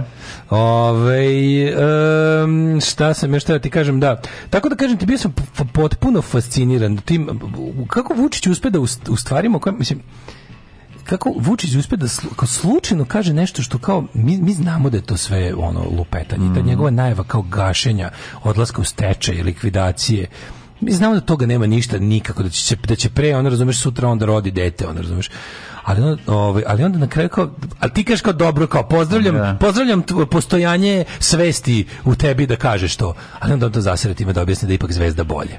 Znaš, kao zvezda je bolja. Pa ti je bolje kad ti navijaš za nju. Ono. Pa da, ne, mora on to da kaže, zašto to on je rekao, onda bi, brate, imao problem sa kukijem, navijačem kog se plaća kad zvezda, je a i drugi tim kad kaže to isto da, onako, da, da, zvezda, da, da. i drugi tim. Da, da, da. Ove, a druga izjava od juče koju sam dobio bukvalno ono kenjeru na čelo je bilo kao idite, kao on svoje, kao poručuje kao ljudima, kao ovima koji kao treba da rade, a i svima i generalno, kao on poručuje svojim ljudima koji kao ne možete kao vi sad meni da se ovdje raspustite kao uskoro dolazi leto, kao za vas nema leta i vi kao, a i ovi i narod kao da zna, kao idite na more idite kad ste svi kao poželjni na more, a na zimu ćemo da se kupamo hladnom vodom ja sam bukvalno to rekao, šta ti ovo znači? Znači, prvo, mm. prvo sam popizdeo što se derem na njega, što me je zapravo ubedio da se on pita. Znaš, ono, da. ali činjenicu, činjenicu. Ja sad ne mogu da se ljutim ni na koga drugog kad izjavi tako čekaj, stvari. Čekaj, čekaj, ajde mi da, iz, da, da, sad, da, da analiziramo ja, ja, ovo rešenje. Užasno nervira što se ja zbog stvari, znaš, ono užasno me nervira što time što ja upućujem svoj bes na njega, ja mu de facto priznajem da on sve i svija u ovoj zemlji. Pa, dobro, ali, ali, ali on jeste sve i svija u ovoj pa, zemlji i onda je normalno da se dere na njega. Ali kakva je konekcija između između odlaska na more i ono... Pa kao, kao, da kao se sprema se Armagedon? Ne, ne, ne, ono će da predstavi Srbe kao uh, cvrčke, a on jedini mrav radi pa, da, i da, vi da, ćete, da, naravno, naravno. pošto ne radite... staro radikalska, stan, znaš, onog staro radikalska, narod jednako siromašno. Pa da, Ko ne ide na more zaslužio da ima da, struju. Jasno, jasno. Ko ide na more zaslužio da jede govno na zimu. Zašto? Zato što ići na more nije normalno, isto kao što nije normalno imati struju zimi. Da, da, da. Sve te su, te su, to su da čista luksuza za, za, za razmažene od, od narođene ljude. Da, ali kako ti ljudi koji recimo ne odu nam on priča, pošto priča o ljudima koji su, jel da, kao da, sada kao, pa pokondirani, pa odlaze na, na more. Za, zapravo, on zna, vidi, on zna da ogromna većina ljudi neće vidjeti more. Da, on, on se dodvarava onim što mrze što ide na more. Tako. Još ide u Hrvatsku, vidi još u da Hrvatsku. Mislim, to ide sad, da ostavi pare njima. Ne, ali radi se o tome da on jednostavno, on ima, on ludak sve izmeri. I kad mu kažu, umesto 76%, da, da sediš da kod kuće, kažu, 76% neće nigde. Ostani kod kuće na plus 70 i čekaj prvu A, epizodu. Čekaj prvu epizodu Oluje nakon što si pogledao prvu epizodu Dare. Razumeš, ne, čekaj, prvu epizodu Oluje koju si naručio. Da. Naravno, pa da. Ali ti kažem da najluđi od svega je što je on on drži se tog, on lepo dobio istraživanje. Ljudi, 70 i nešto posto ljudi neće ići nigde nigde neće ići. To su ljudi kojima se obraćam. Meni treba, meni treba i ovih 70% uvek za sve. Da. Ovih 20% prvo, prvo što je naša zemlja toliko siromašna da su stvari poput normalnih stvari kao što su odlazak na more ponekad i to su indikator da se radi o nekom ko živi bolje od ogromne većine Tako je, i malo što se malo od, od Srbije je, što bi se reklo. A da, od Srbije, da. pa, to, smo, to smo pričali hiljadu puta. Kako su oni uspeli to nešto što je meni, meni najboj, najveći uspjeh zapravo na prednjačke ideologije, ako, ako tako nešto postoji, je zapravo ta, ta, ta uz, uh, stavljanje siromaštva na pijedestal, mm. gde mu je svesrdno pomogao pomogao svaki glupi levi intelektualac Twittera ove zemlje. Svaki. Gde su objasnili da je svaka ljudska normalna težnja iz 21. veka elitizam. Da, da, da. Svako jebeno, svaka težnja da se ne bude, da se ne bude ono golo oguzna na suvoj zemlji ispucalo i da je to sve razmaženo pošto na svetu postoje mnogo siromašniji. I to ravnanje prema gore to je mm. genijalno. Mislim, i onda kada ti kad tako postaviš stvari, pa ti si napravio klimu koju možeš da jašiš koliko hoćeš. I onda ti on izjavi to sve. I onda ja dobijem napad ono besa da se derem njega, sam poznao pa da ja sam de facto priznao da je on taj ko odlučio sve i o tome da li je normalno ići na more i da li treba da bude struje i onda sledeće bude kao znaš šta ono ono, dobiješ bukvalno napad besa da kažeš kao šta bre neće biti struje na zimu. Pa nemoj da se zajebavaš. Ono, koliko ti plaćamo svega? Jesi ti normalan? Šta pričaš da 2020? Samo pro, ja sam bio znam kao ono, samo probaj da ne bude struje. Pa misli stvarno ono, ja, ja, ja mislim da mislim da bi to izazvalo ozbiljne. Pa znam da li, ali kakva to bi izazvalo ozbiljne. Kako? Ma kak? Misliš da ne bi? Ma ne. Restrikcije struje. Ma kakvi? Pa ma ništa pre ovde neće znači ovdje nego mi smo druga stvar, druga struje mlađe, ali smo imali i rat u isto vreme Ma znam, da škol ne radi se o tome, radi se Restrikcije struje bi ono izazvale ljude na ulicu, je Mislim, radi se o tome samo što to na, koji način napad na na koji na način čak i siromašnog čovjeka. Mislim, vidi, ako ne bilo za struje, znači da smo do jaja jadni, što jesmo pa jadni. Mi jesmo do jaja pa jadni. Pa jesmo, mislim, mi uvozimo struju. Pa ako ostatak... Nije to problem, uvozi struju Znam. i Monako je. Pa da, ali nije to samo po sebi, samo po sebi nije problem. Svirali, da, samo po sebi nije problem uvoziti struju. Problem ako si tako odlučio. Mislim. Problem je što si zadnji u redu. I što, problem što ono, lažeš, ono što imaš... Što ukoliko zaista... Problem je što si dao zvezdi, partizanu i srpskoj pravoslavnoj crkvi pare, nemaš struju. To je problem. Pa da, pa da. To je jedan da. od problema. Pa da. Znači, sve ta sranja koja se priča, koja se, te sva ta njegova potemkinovština koja služi za ne znam šta, Meni je to jako interesantno što ga pogledaš. On kada on sve pa da, on taj gnev Daško usmeriti, ljudi će svoj gnev usmeriti na ljude koji su otišli na more. sad što je suština priče. Pa mislim da sad to neće moći zato što je varijanta da ne mislim ja znam da svako, svako ulično nezadovoljstvo u Srbiji plašim ga se zato što znam da može da nas odvede u desno. Da. Znači svaki ulični čekaj, da, još jedno pitanje. Ulična manifestacija u Srbiji je obavezno, obavezno znaš da stoji Rusija iza nje. Ako mi ako, kad je ako mi ne budemo imali struje, odnosno ne budemo imali gasa, odnosno ne budemo imali šta god nam treba, ovaj, za jel da preživimo, da li to znači da ćemo mi onda on planira da na jesen uvede sankcije Rusiji. Ne, mi, ne, mi nećemo nešto drugo plan. Mi, ja se bojim da je mislim nad, zapravo nadam se što najluđe najluđe od svega je ono, ja sam bukvalno bukvalno zvonko Vučiću pošto si ti odredio da si ti sve u ovoj zemlji. Ono rodi mi struju. Čekaj, prvo je rekao da da će ne biti svega. Me. Odseci svoje noge i zapali ih Čekaj, prvo, u prvo je rekao da će biti svega. Da, da, da, biće svega, znači, ali neće biti. smo mi i da, dalje da, dobri. Da, da, da. Sa Rusima dobili smo povlašćenu cenu gasa, dobili smo. Ne, to ne ulazim u to šta on rekao, šta će biti, nego pošto si sam sve proglasio nadležnim za sve, ne zani rodi mi struju, jebe mi. Da. Znači plaćamo ovoj zemlji sve živo ko blesavi, pljačkate na sve živo, navodno ti puna kasa, rodi mi struju. Znači, ne možeš da mi ne možeš mi mi na zimu 2022. u 21. veku reći nemam struje. Znači, boli me dupe, odseci ruke i noge svoje zapali ih u, u, u, u agregatu i napravim struju. I da trošim kako ja hoću i da platim koliko, koliko ste vi razrezali. Ali ono kao radi se o tome da to, to je prvo. A drugo, može to biti samo još jedna od njegovih ono kao, e, znaš kako je bio težak kontrol, ja sam jedini radio. Da, da, da, može to bude jedina, ono kao tipa, opet sam vas spasio ljudi. Znate koliko je bilo blizu da nemamo struje, a imamo je. I to je da. neverovatno dostignuće. To su opet moje, da, da, da. Pa da, pošto pa nas je on naučio da je to da neko, da, da benzina uopšte ima, a možda košta koliko hoće. Da je to veliki uspeh. Pošto imati benzin, pa to nigde nema na svetu, samo kod nas ima benzin. Imati struje, pa to mislim, to u Portugalu nemaju struje. Razumeš? I to je meni ta, mislim da je više ipak to. I no. što je najluđe, nadam se da je to. Jer više volim da on izmisli problem pa da ga lažno reši, nego da imamo stvarno problem jer on ništa ne zna da reši. Od tvorca bestsellera Kaži zašto me odvali, ljubav u doba margarina i život i ringišpil i kolana sudaranje. Stiže novi roman Biljane Bačić, Bobić Đurović, Alimpić, Bijelica Habjanović pod naslovom Ostrvo muškaraca, obala Slonovače. Samo na bolje opremljenim trafikama.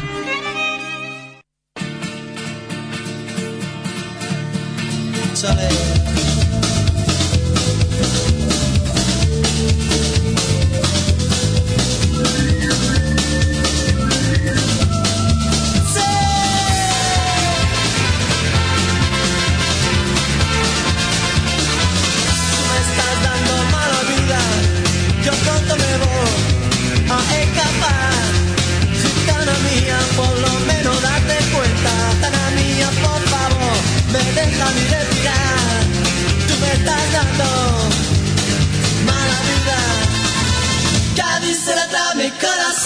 porque trato yo también. Cuando tú me hablas como un cabrón, tan a mía, corazón estás sufriendo, tan a mía, por favor. Sufriendo malnutrición me estás dando, me estás dando mala vida. Cádiz será mi corazón, porque trato yo también.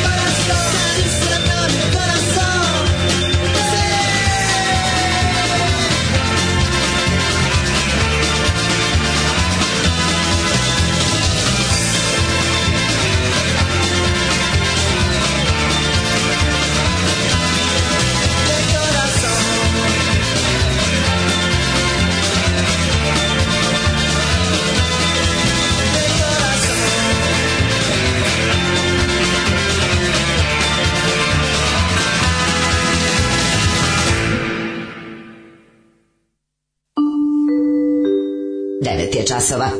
Radio Daško i Mlađa. Prvi program.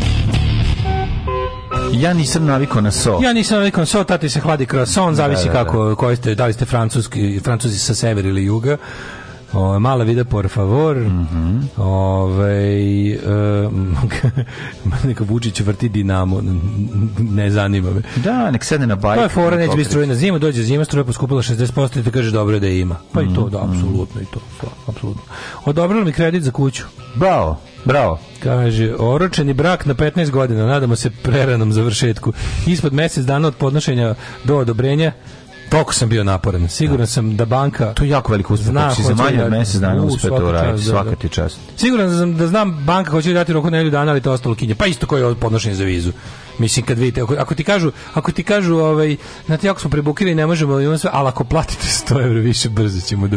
Bićemo da. manje prebukirani, mislim, mm daj, mhm. molim te. U Prijepolju vratili decu iz svih škola zbog dojava bombi, čerkica drugi razred zvala, javila mi. Pa onda, ovaj... E, E, zamislite koliko malih terena za rekreativni futbol može da se napraviti na tim njihovim stadionima i sve da bude bespla za narod. Pa da. Tako je, to mi rekreativci, mi ljudi koji imaju pravi futbol u srcu. Nego šta? Mi ljudi koji ginemo na terenu. Koji da, da ti škinemo, koji to radimo što zato što volimo, zato što smo plaćeni. I naši navijači ne samo da nisu nasilni, nego ni ne postoje. Ove, ovaj, ništa u slučaju ne radi. Isti dan klubovi povezivanje, porazivanje za more i povećanje penzija. Vučić komšinica tračara koja ni kim, nije ni sa kim posvađena, ali tračima drži ceo košiluk posvađen. Odlično. Ove, um, pa kaže, ma kakvi protesti zbog restrikcije struje? Biće restrikcije 100%, ali već anesteziraju javnost za to do novembra, ispraće oni mozak svima. Ja mislim da neće biti restrikcije, biće to varijanta kao ono, poskupeće i to, i dobro je da sam vam je našao. Ne pitaj me odakle. Verovatno, bolje me. Pa pići koji za one, ovaj, kako se zove, Ovaj To je bre daško pravi strašno.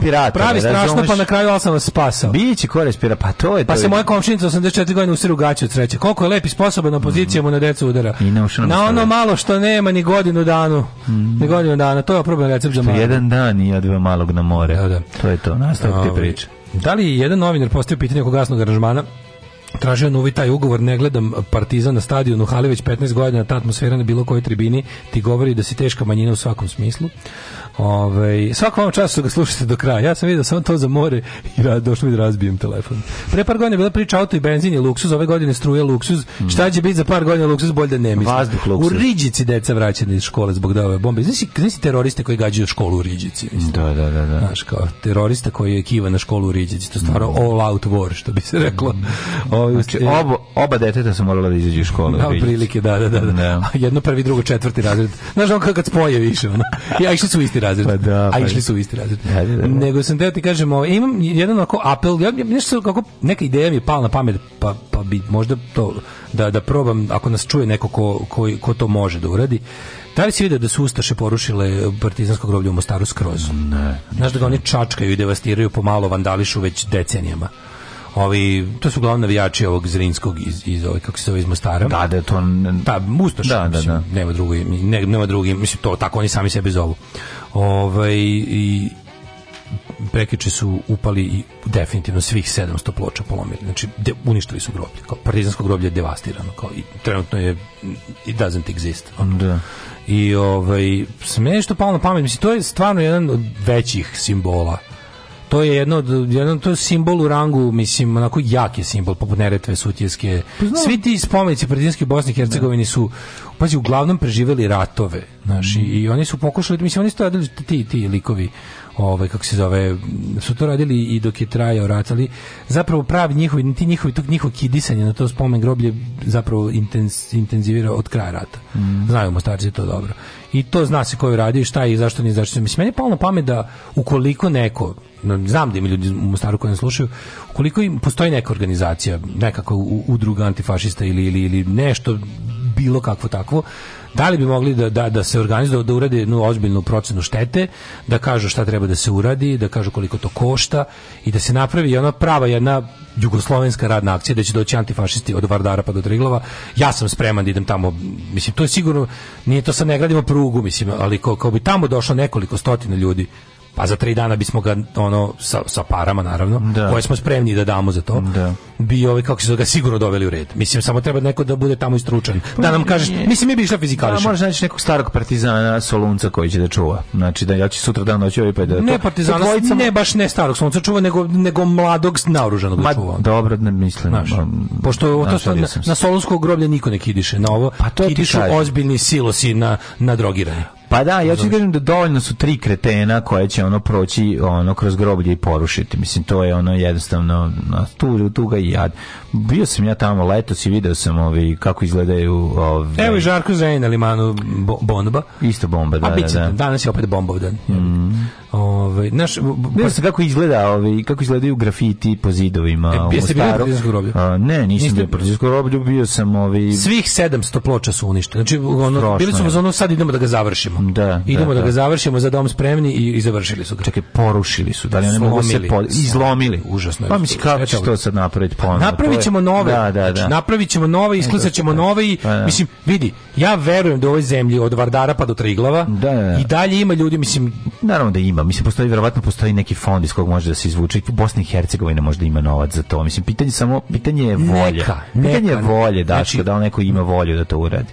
Ne, neka, neka, ne, ja bih volao naj, najviše bih volao da bude sledeće. Da se mi organizujemo, da ga uradimo, da ga platimo, a da. neka ga posle pošto je to ipak javni prostor, neka ga posle država Bosne i Hercegovine štiti, Tako kao što ga sad nije štiti. Tako je, ovaj. Kao što ga sad nije štitila. Ovaj, a neka velež razgoz iz Rinske. A neka velež razgoz iz Rinske any day, uvek svaki dan. Tako je. Samo ti kažem da je jednostavno to bi imalo jedan imalo bi i politički i moralno i bilo kakav drugi solid pokazala bi se jedna solidarnost ono ljudi, znači ono kao svi zajedno protiv jebenih ustaša ustaša, razumeš, protiv fašista.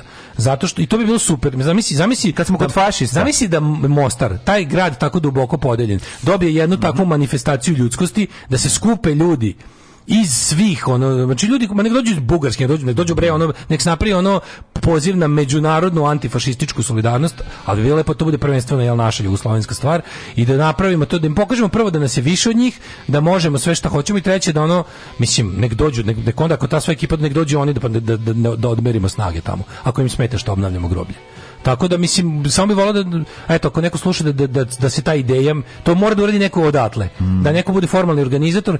Pazi, ja znam da sam ja i ljudi koje ja poznajem, a vala poznajem dosta takvih ljudi, spremni da o svom trošku dođemo tamo i radimo da to popravimo. I plus damo pare da se učipimo za materijal. Znači, verujem da to ima. Kad smo kod desničarenja, Jordan Peterson bio u Beogradu, pa ćemo da, o tome To ćemo o tome, ali prvo da, krvarimo iz uši. Tako je, ako stignemo, vidjet ćemo. Prvo krvarimo iz uši. Da. Ne vidim nikakve smetnje da musliman ide na more uz dva uvjeta. Prvi uvjet je da idu na more u januaru ili februaru. Alarms svakog radnog jutra od 7, od 7 do 10. Do 10.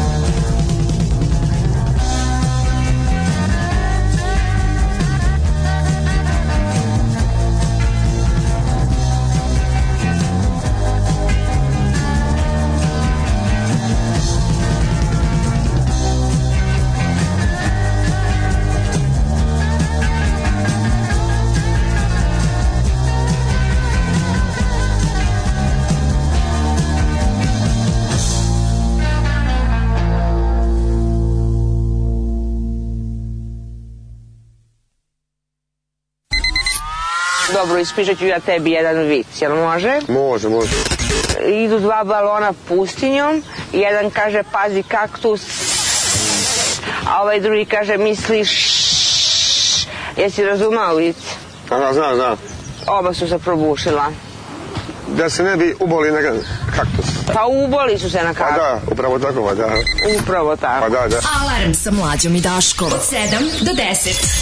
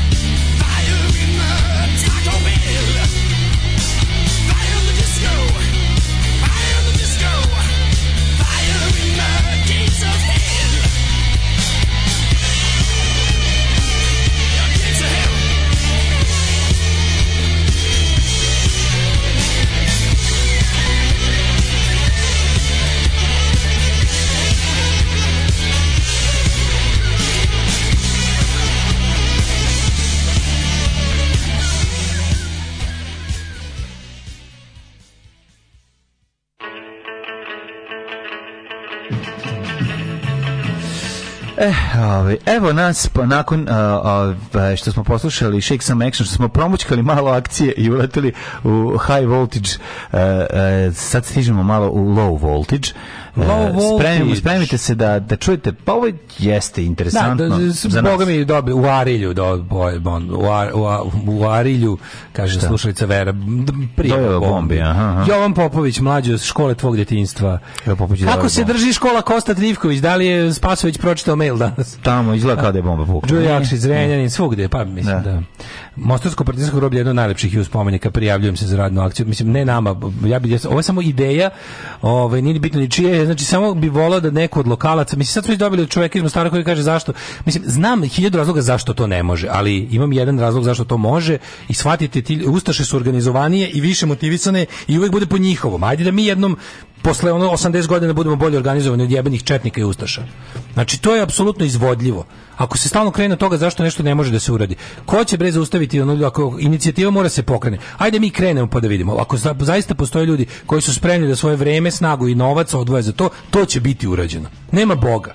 Mi se razumeš, apsolutno. Ova bre govna, zato, ova govna sva, sve svoje manifestacije održavaju zato što su rešeni da ih održe. Znam da li... To je toliko jednostavno. Ne, Uvek pobeđuje neko znam, žele pobedi. Ali nije to sad da odete pa da očistite. Ne, sad, to nije to da očistite. Mora neko da, da kažem, napravi se te spomene. Sigurno u Mostaru, projekat. tako je, sigurno tako u Mostaru postoji organizacija koja okuplja nekakve pametni, stručni ljude. Neka, nema pojma, centar za suživot i antiratno, neko NGO da. stranje, koje može konačno da ispadne nešto zaista konkretno korisno i pametno i da se jednom kako treba iskurči. Ode tamo i da kaže da rade. Ode tamo i kaže, mi iz ono Centra za moderne veštine antiratne akcije i svesti liberalnog foruma mladih da. Mostara, nemamo ono, para da vam platimo jer vaše ne, jer nisu jer vaši honorari, nisu vaši honorari nisu predviđeni ovaj e, ovim plaćanjem ne, tako ne, da oni samo da može da neko da napravi pa ja sam siguran da ima ono arhitekata i ljudi iz za, za zaštitu kustosa i svega ostalog. Znači, to, to, su bar struke koje vrve levičarima ono i antifašistima. Znači nek se izradi sve neko nek taj nek uradi to,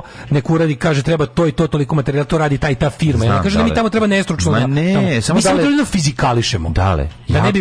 veruj mi, jako, mislim, samo treba jako puno para. Za para, to, para. Pazi, si znaš koliko para treba da se, da se plati 700 spomenika se napravi. 700 mermeni ploča. A 700 evra.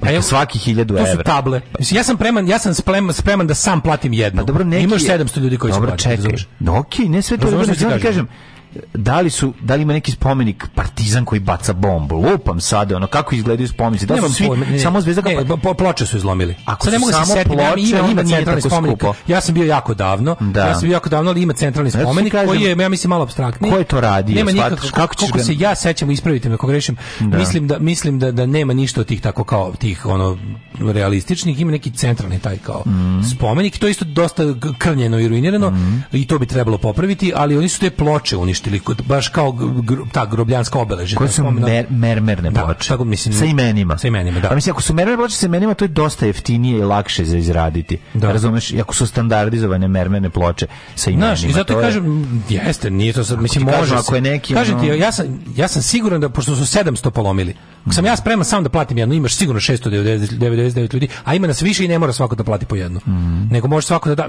pazi, kažem ti, važnije je to da, da dve stvari. Jedno je sam taj čin je važan za, za Mostar, na, za Hercegovinu, za Bosnu i Hercegovinu, je važan da se pojavi nekoliko stotina ljudi spremnih da, da za nešto stanu, razumeš? Mm. I, on, I to mislim, mislim da je to važno. I mislim da je važno da se krene.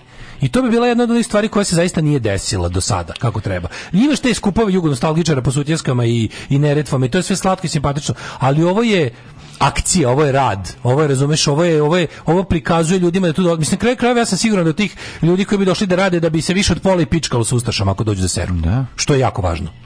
Što će biti organizovao sigurno. neka. Dale, ove, da. Samo da. kažem, bukvalno treba, treba, sve što treba da uradi lokalcije da se pozabave, da naprave projekat kako će da se radi, da kažu to toliko i toliko košta, treba nam ta i ta firma koja to radi i zatim pozivamo ako će država da da pare, lepo, ako neće, evo, pozivamo ljude da na ovaj račun uplate novce i ko može od tih što da uplate novce, nek dođe da radi.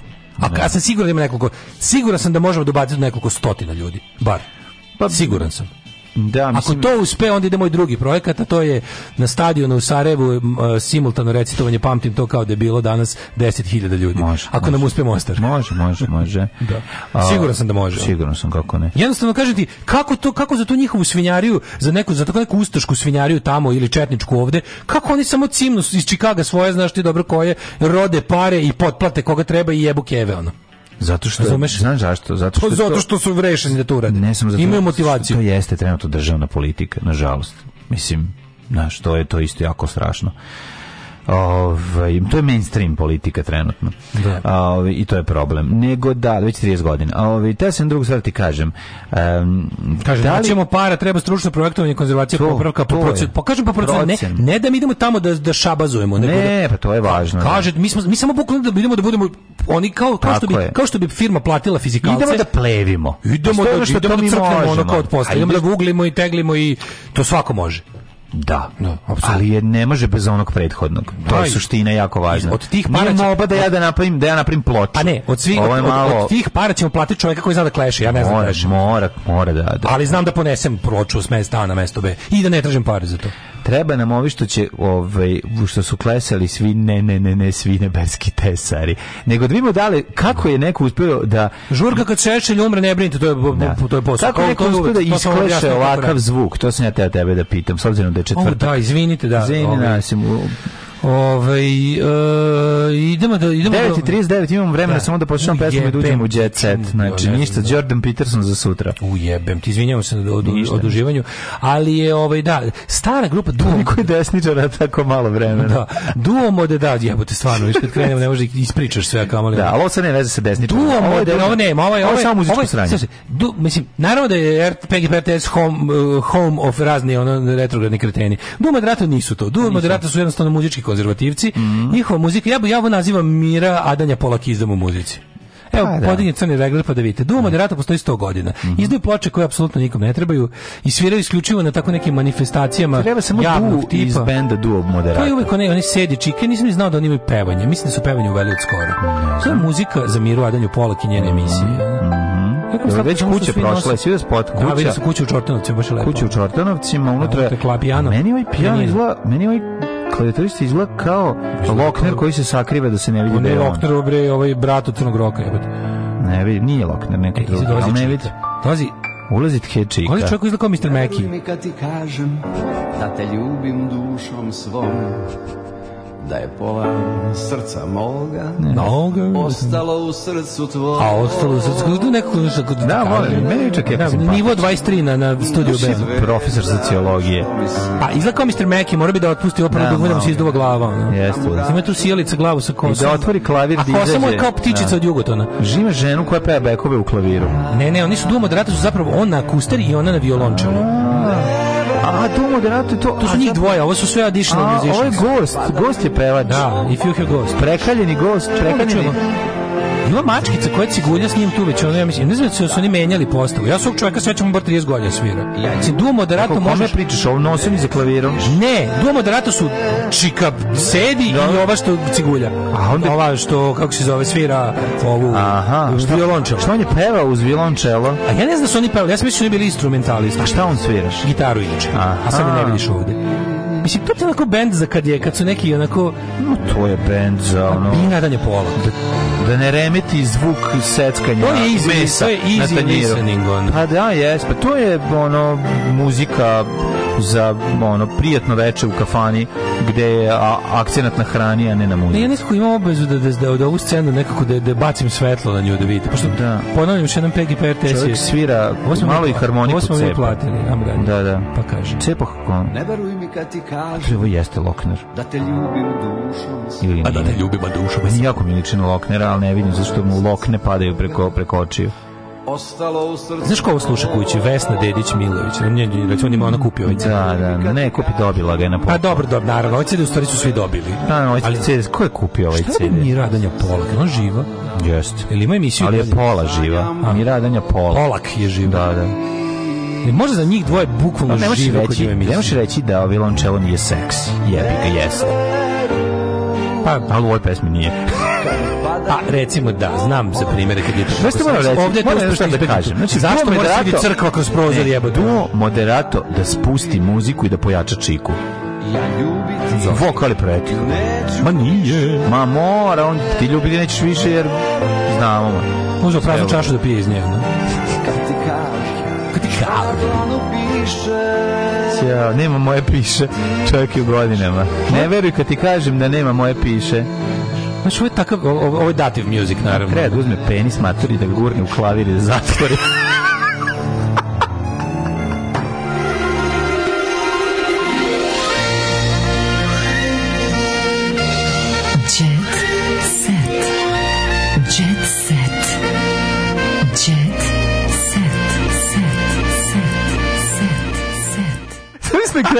popizdi prvo njemu zatvori. Ne, prvo njemu zatvori prste. Njemu zatvori prste, a onda njoj izlomi ovog, ovaj, violončelo. Izlomi violončelo, a bi bio kraj. Otpusti ovu otpusti je, malo super, kragnu, super stvari što ćemo smanji mu se glava i počne urla. Super što ćemo Jordana Petersona ostaviti za sutra tamo da vidim da nešto pročitam kako je bilo, šta je bilo, mm. ništa ne, ne. Ja sam jadan mislio da je to nešto na jesen. Znaš kako su bile karte inače? Najeftinija mm. karta je bila 4.500. Yeah, ne treba, to je baš porezni idiot. Ove, neka, ovaj, neka. Dobro, idemo ovaj, u jet set. Da. Mm -hmm. Pa, pa kažem tvoj prvi, ajde, tvoj prvi jet set za danas. Da, moj prvi jet set je, nemam opremu Dino da Merlin sa AliExpressa, bravo! Uh, koja pesma hoćemo i mi da vidimo? Jebote, šta mm. ovo mhm. pustite Miru Adanju Polak od Pogovir da opalimo. Mr. Meki. Ove. Ovaj. Sram je bilo njene karijere, Milica Palović kaže za... Nemojte za da Nikolu. se izvinjavate kad odužite, pošto među nama ima i onih koji vole da vas slušaju, pa im to uopšte ne smeta. No da, ima i takvih, hajde Zbog ovakve muzike ljudi ne vole klavir. Ove, ovaj, ne znam da klešem, znam da dodam Čekić. Mm -hmm. Ove, ovaj, pa onda kaže, e, ne da je danas sekund četvrtak da bi čuo ovo, s vama vama je zanimljiv PGP, hoćemo neka nova sranja, ali morate da vidite, PGP ima svoj čar, meni je... Ovo ovaj je super, ovo je da, baš pravi, ovo pravi četvrtak da. muzika, ono. Vi biste samo u krug, ajde JTV i pravoslavce, pa ne može to dosad. Frajle u nesuglasicama sa porodicom panonskog mornara, Balašević nisu zabranili kanal Frajli. Jao, Tako je. Jesi čula, čuo što je beba izjavila, e, moj otac nije, zami, e, nije žela, ne, moj, verujem da moj otac ne. nije hteo da se njegove pesme slušaju iz piva i burgere. Mislim, šta to znači? Šta je hteo? Gde, u, u čemu, gde smeju da se? Koji de, kog, zašto? Mislim, ako možda tvoja mama nije, nije tela, ne, ali... Ne, nego zašto, nije to, kakve to ima veze? Sad nemoj se sad određivati u čega će se stati. Zašto, se, zašto se produblja ta priča? Ok, zašto, ja, meni samo ja, ja samo jedan problem koji ne razumem. Evo, evo sad ti meni objasni pošto se sve ovo radi oko tantijema na, na YouTube, zašto samo jednostavno ne klejmujete bilo kakvo sviranje kada za, algoritam pre, prepozna pesmu? Zamolite Merlin VBZ. Ali ništa vi ne rad, ništa tu oni ne rad. Ja ne razumijem čemu to zabranjivanje. To nema smisla. To niko tome ne donosi novac. Neće neko ko je odsvirao to, pa sad nije čuo otići na vaš zvanični kanal da posluša. Postoji jednostavno pravilo YouTube-a, za vas koji ne znate, a ja stari YouTube-a, da stari YouTube-a, dakle, ako algoritam prepozna prepozna da je nešto tvoje, od nekog da si nešto munuo i stavio na svoj kanal tuđe, on automatsku lovu od pregleda prebacuje onom drugom čiji je to. tako ide. Tako ide, brati, onda ne vidim, da. ne vidim šta je sad ovdje naš, mislim, A, pa, ne, ne za, moguće da nešto ja ne znam. Nađe. Ok, spreman sam da prikotim, da kažem nisam u pravu, nađe. ako mi kažete šta je drugo razlog ovome, šta, kako to, šta to znači nađe. određivati gde će neko da. izvoditi te pesme je, je to nema smisla, mislim, to je, kako bi rekao, možda neko sluša Balaševića dok baš u tom trenutku ono štavi kožu ili ono ono bavi se ono ne znam taksidermijom i to mu je zabavno. Da li možda neko drugi sluša hoće da svira u kafani, hoće baš tu pesmu da odsvira. Ne znam šta, ne razumem. Hoće da zabrane da se te pesme izvode van čega, da ne, da, Mađo, da-, da, da ne postoji izvođačka prava, ne znam šta. They're fucking crazy. Mislim, jesi ti video to kako to zvuči? Ne, ne ja razumem čekaj, čekaj. Oni Ludi bre, je. Da, ali da, žele da zabrane da Marko i Jovica koji imaju bend i sviraju u Laze Telečkog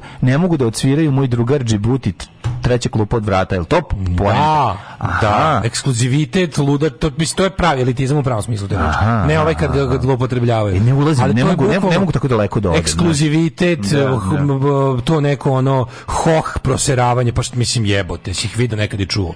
To je tip, onda mi smo toliko jebeno posebni da vi nas ne možete da razumete. Znam, ali čemu zabranjivati YouTube stvari koje neko i kad neko izvodi drugo? Ajde ovo da sereš, da, ti, da, da ne daš da u gradu... Ono srpskom. U to ne mogu da uđem. Ono jednom da, srpskom, da, ludi su.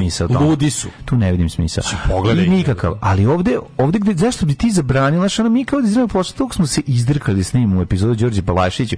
Dve nedelje ali šta izbaciti, šta staviti. Da bude le, da bude, da bude, da bude, da bude savršeno odavanje Da, on je čovjek znao. Da, da, da svako kaže wow patetičnu stvar stavi da ne bude patetična, da ne bude ljigala. Mi to nismo znali, jednostavno i, i ono... Naravno. I bilo nam je frka kako to sad nešto predstaviti da ne budeš jadan, a jednostavno nije osjećao si obaveze da to snimiš, da, da. jer je normalno, ove, jer je jel, da, kao bio važan u nekom periodu odrastanja svih ljudi. Ne, da I onda oni dođu, da, i onda, i onda te oni kao to, to ti kao ne možeš to staći. To je baš ono, kao, pa eto, uzmi pare od pregleda, ok, to imaš pravo i treba, mi mislim, čak to ne, u to ni ne ulazim, nije mi problem to. A baš kao, zabranjivati stvari koje neko drugi izvodi, a kao delo su tvog oca, to je meni malo, to je ludaštvo. To pa, to sam ti rekao od početka. Pa, da, da to, pravo si, oni su, pravo To nema smisla. To nema smisla. Familije. A dobro. Ove, um, Bojana Stamenov. Biće senzacija, biće senzacija kada smršam 100 kila. Kraljica. Da. Ove, ovaj, e, vidi Bora Čorov ima čip trik majicu. Aha. Da. Ove, ovaj, Dobra majica. Bora Čorov ima čip trik majicu, Kostor svira gitaru, sa suprugom i brakom je sve u redu. Čin sve da poboljšam svoje zdravlje. Eto, loše vesti iz Ljubljane. Ove, ovaj, Ivan Marinković ide u zatvor 10 dana. Ko je taj tuga čovjek? Pa što kaže ko Ivan Marinković? Znam bre, muž od Jogoca. Ti mu znaš ime, je bravo, svaka čast. Zato što je teška priča, jako. I onda Čerka ona... Charlie Sheen ima profil na sajtu za odrasle, a Anfas na sajtu za decu. Mm -hmm. Lena Čalak uradila cover Miličine pesme, ništa ne znam. Cover koja, Milica, to je Milica Pavlović, ovo što se tebi jako sviđa. Ne, Milica Todorovića volim. A, izvinjam se. Ja volim nemam opremu, već nemam opremu da se valjam u blatu. Ej, Zorica Bruncak zakopala ratni sekir s Bojanićima, to možda u bazenu bilo, pošto vidim sliku da Bojanić izlazi iz bazena praznog. Gospod. Da nišao dole zakopa ratnu sekiru. Mm. ne, ne, ne. Amber stojim iza svake svoje izgovorene reči. Ne, dakle, ja sam malo svoje... našali gde epizoda za Mandu, a danas je šest godina od smrti Mande. Eto. Gde epizoda? Tomu Hanksu se ruke nekontrolisano tresu, e, zabrinio fanove, mm -hmm. ne znam zbog čega. Operisana je Edita Aradinović, da- da zato je sve u redu. Mm -hmm. E, novi estradni rad zbog pesme. Mm -hmm. Zaratile su, znači dobro, da, zaratile su, to si rekao, ova. mm -hmm. Ana Nikolić i Milica. Uh, Anastasija Pola Ormana počela, ponela na letovanje. Mm -hmm. mlada muzička zvezda Anastasija Režnatović Arkan otput, otputovala je u Španiju, a po broju kofera koje je ponela svi pričaju. Šta je sve ponela? Ponela je sve. Je ponela dobre namere kod kuće ostavila probleme? Juče sam kupio Oli, kako se zove? Znaš kako šta kofer da poneseš, da uzmeš kao karta bez kofera i karta s koferom, koja je razlika? Kofer košta 70 evra. Da da, pa da, da, kofer u da. oba pravca su ti 110 evra. A, da, da, da, da, Dobro, da, čekaj, dva kofera nosiš. Ne, jedan, ne, kofer u oba pravca, kažem. Aha, aha. Kofer u jednom pravcu, ne, a da, može, da, moraš da. da kupiš u oba pravca. Dobro, pa kupit ćeš tamo, radiš ti žen. Ti čak i to spremaš za englesku? Za englesku. Joj, možeš da majice. na engleski. Sad, možeš dve majice mi kupi sad. Da, idem tamo, čovječe. Smo radili ko da, Idemo, bre, da, idemo na prvi normalan odmor posle milion godina. Tako je, ako prvi hoću pravi jedan, odmor ljudski. Tako je, ako hoćeš skupo, dobar dan, radite mi dva skupa. Dva, dva skupa. Tako je. Sa tri... Znaš, šta sam smislio, pošto ću ja tamo da, da budem u da živim u Londonu. Londonu. Da, kako ćeš dugo da živjeti u Londonu? 20 dana. Idi bre Sa, sa prekidima, ja. pošto ću da živim jedan dan u Manchesteru i četiri u Blackpoolu. A kako ćeš u Unitedu da budeš? Baš u Unitedu. Da, da baš u centru, pa kod biću, crkve. Živeću u centru Uniteda i kod... Da, da, ovaj, jer bolje, od, bolje u Unitedu nego u Atletiku. Odlično. I onda i Saint Germainu. da ovaj. Jedna sam, um, um, znaš, znaš šta je još jedna odlika od življenja, to mi je palo na pamet. Pa onda sam se platim račun tamo neki da ću da živim, mm. ali ovaj znaš što je još življenje teško? What? Naručit ću tamo hranu da mi donesu na kuću. Ale, ale, to teško življenje. Da li je najjadnija rečenica koju ste čuli ikada ne, ne, na radiju? Ne, dale, neka London pati pod tvojim nogama. London zove. Miluj, miluj, e, neka pod tvojim Martinama. E, probudim se nakon znači, Londona, gdje ću da neka, sada budem u Londonu ceo dan? Neka se asfalt miluje tvojim Dr. Martins čizmama. Neću baš biti u Dr. Martins čizmama, ali neću biti ni u papučama. Nećeš valjda ići na punk festival, a da nisi skinuo prošle, prašinu sa ja, starog Brooksa. Ja, neću ponoviti grešku od prošlog Blackpoola i ovaj put idem onim super mekanim Adidaskama, onim mojim najbržim na svetu Ju, za stajanje dugo. Izdao si Kosovo. Čač, ja posle, posle, izdao ja, ja si. posle prošlog ribelina nisam mogu da Srbe. odam. Znači, si išao Martinama? Nisam išao onim, onim, onim tanko John, onim vansastim patikama. Debil. Prijatelju, moraš poneti. Pa ver, veruj mi da bi mi bilo udobnije u Martinama. Pa kako ne? Majke mi bilo bi debil, mekši John. Moraš bar u jedan pogo viru, viru leteti. I znaj mi će tamo, ima da si nikog klizarke. Nikog klizarke, skinsa da leti za tebe. Kad dođeš na klizanje, a nemaš klizlike, pa imaš da iznamiš tako na punk festivalu, imaš da iznamiš opremu. Ne iznamiš opremu, iznamiš da čoveka. Da iznamiš. Ne iznamiš mladog punkira da tebe predstavlja pa, u da, da, pogoviru. Da, da, da, da, da. Kako bi to bilo I kad napravi sranje, kažu što je Daško lud. Ko, ja. Daško, viče Daško i pravi a ja, sranje. A ja kao iza, ja, a ja ga kontrolišem na, a ja ga kontrolišem na mobilnom. Kako mrzim debile koji u jednom trenutku krenu se bacakaju i izbiju pivo iz ruku petorici ljudi okolo, jer ga pogodila pesma. Znači, ono, pa ne zbog toga, nego ono tamo ne, mlađo, tamo kako ti kažeš, to je moment kako se najavljuje pogovir. To je naravno. Najavljuje to je tamo pogovir. rešeno time, tamo Okreneš se kažeš sad sam lud, da sklonite se. Tamo najskrnaviji panker, recimo Španac koji je došao skrnavi, da. je zapravo u svom gradu najbolji panker jer je karta 200 i nešto funta Da, da, Time smo rešili problem razumem. bezumnog nasilja. Razumem, razumem. Jer bezumno nasilje ipak dolazi od ovih što uđu besplatno. Dobro, ja znam da ćeš ti poneti nekoliko kantica lepka, jel da? Jer igro kola nema u Engleskoj. Engleska nema, oni tamo imaju one uhu i eventualno one i oni, da, kako se da. zove, ovu oni... Juhu, bit će tebi juhu posle ja, kantica Ja donosim staru, stari. Da si pametan, na lokalitetu bi prethodne godine e, zakopao, zakopao dve, tri kantice da. i onda da imaš svog pomoćnika. Znaš da je uz prave duvače, stare, novosadske duvače lepka e, s kraja 80-ih, e, kaže, su uvek imali jednog pomoćnika. Kad se kreće na Znači, pomoćnik duvača lepka starijeg je onaj koji pazi na njega. jer, ja kad, sam to Kad ovaj u Haludži, Mater, pa ja kako ne, svako bio bar da, jednom. Da, pomoćnik. ja sam pa bio mnogo puta. Svako je bar jednom ga je neko, neko vodio. ozbiljno iz toga. Znači, meni su ovim... Se vukli da budeš pomagač. Da, da. Krovom moje zgrade. Slušaj, znači, to su mi jedne najveće traume iz djetinjstva. Ja to da. nekad sanjam i dan danas. Znači, to je bilo, to je bilo najvećih ono strahota koja sam doživio u životu. Povedu me ekipa, da. Žorž Raše, društvo ekipa mm -hmm. me mhm. povodu na, na, na kraju, kao, ajde ti da nas, kao da nas čuvaš. Da nas čuvaš dok duva. Šta je da. čuvaš, ima ono možete da me bijete svaki dan, kako ja vas da čuvam? I ona od, i odem, paziš ga da on, da on ne padne, pa, da, se ne povredi. Ja tamo naslojen na lift kućicu, oni duvaju da. na onome, na onom odžaku. I krenu ono, matori, taj, te da. ovaj kako se zove haludže su dosta ovaj, strašne ograda moje zgrade je visoka 20 cm i oni tamo idu s time i onda kad neko krene da ustaje tako nemoj nešto krene tamo da da skaje da, kućemo kod da, njih da. ono i onda onda najluđe od svega toga kao kad završe iz iz iz balave tamo iz krnave kao onda kao ajde ćemo da idemo kad ih prođe i onda idemo onda treba da bukom da siđu iz one jebene merdevine od ono oh, traume ali tri, tri puta su me tako maltretirali ono znači to je bilo Triput sa Žoržom na duvanju. to je jedna od najgorih stvari koje se daš u životu. Užas, užas, užas, užas. Aj zdravo. Ćao. Oh, Tekst čitali Mladin Urdarević mm, i Daško Milinović. Ah. Ton majstor Richard Merc. Ah. Realizacija Slavko Tatić. Urednik programa za mlade Donka Špiček. Alarms svakog radnog jutra od 7 do 10. you touch my tra-la-la.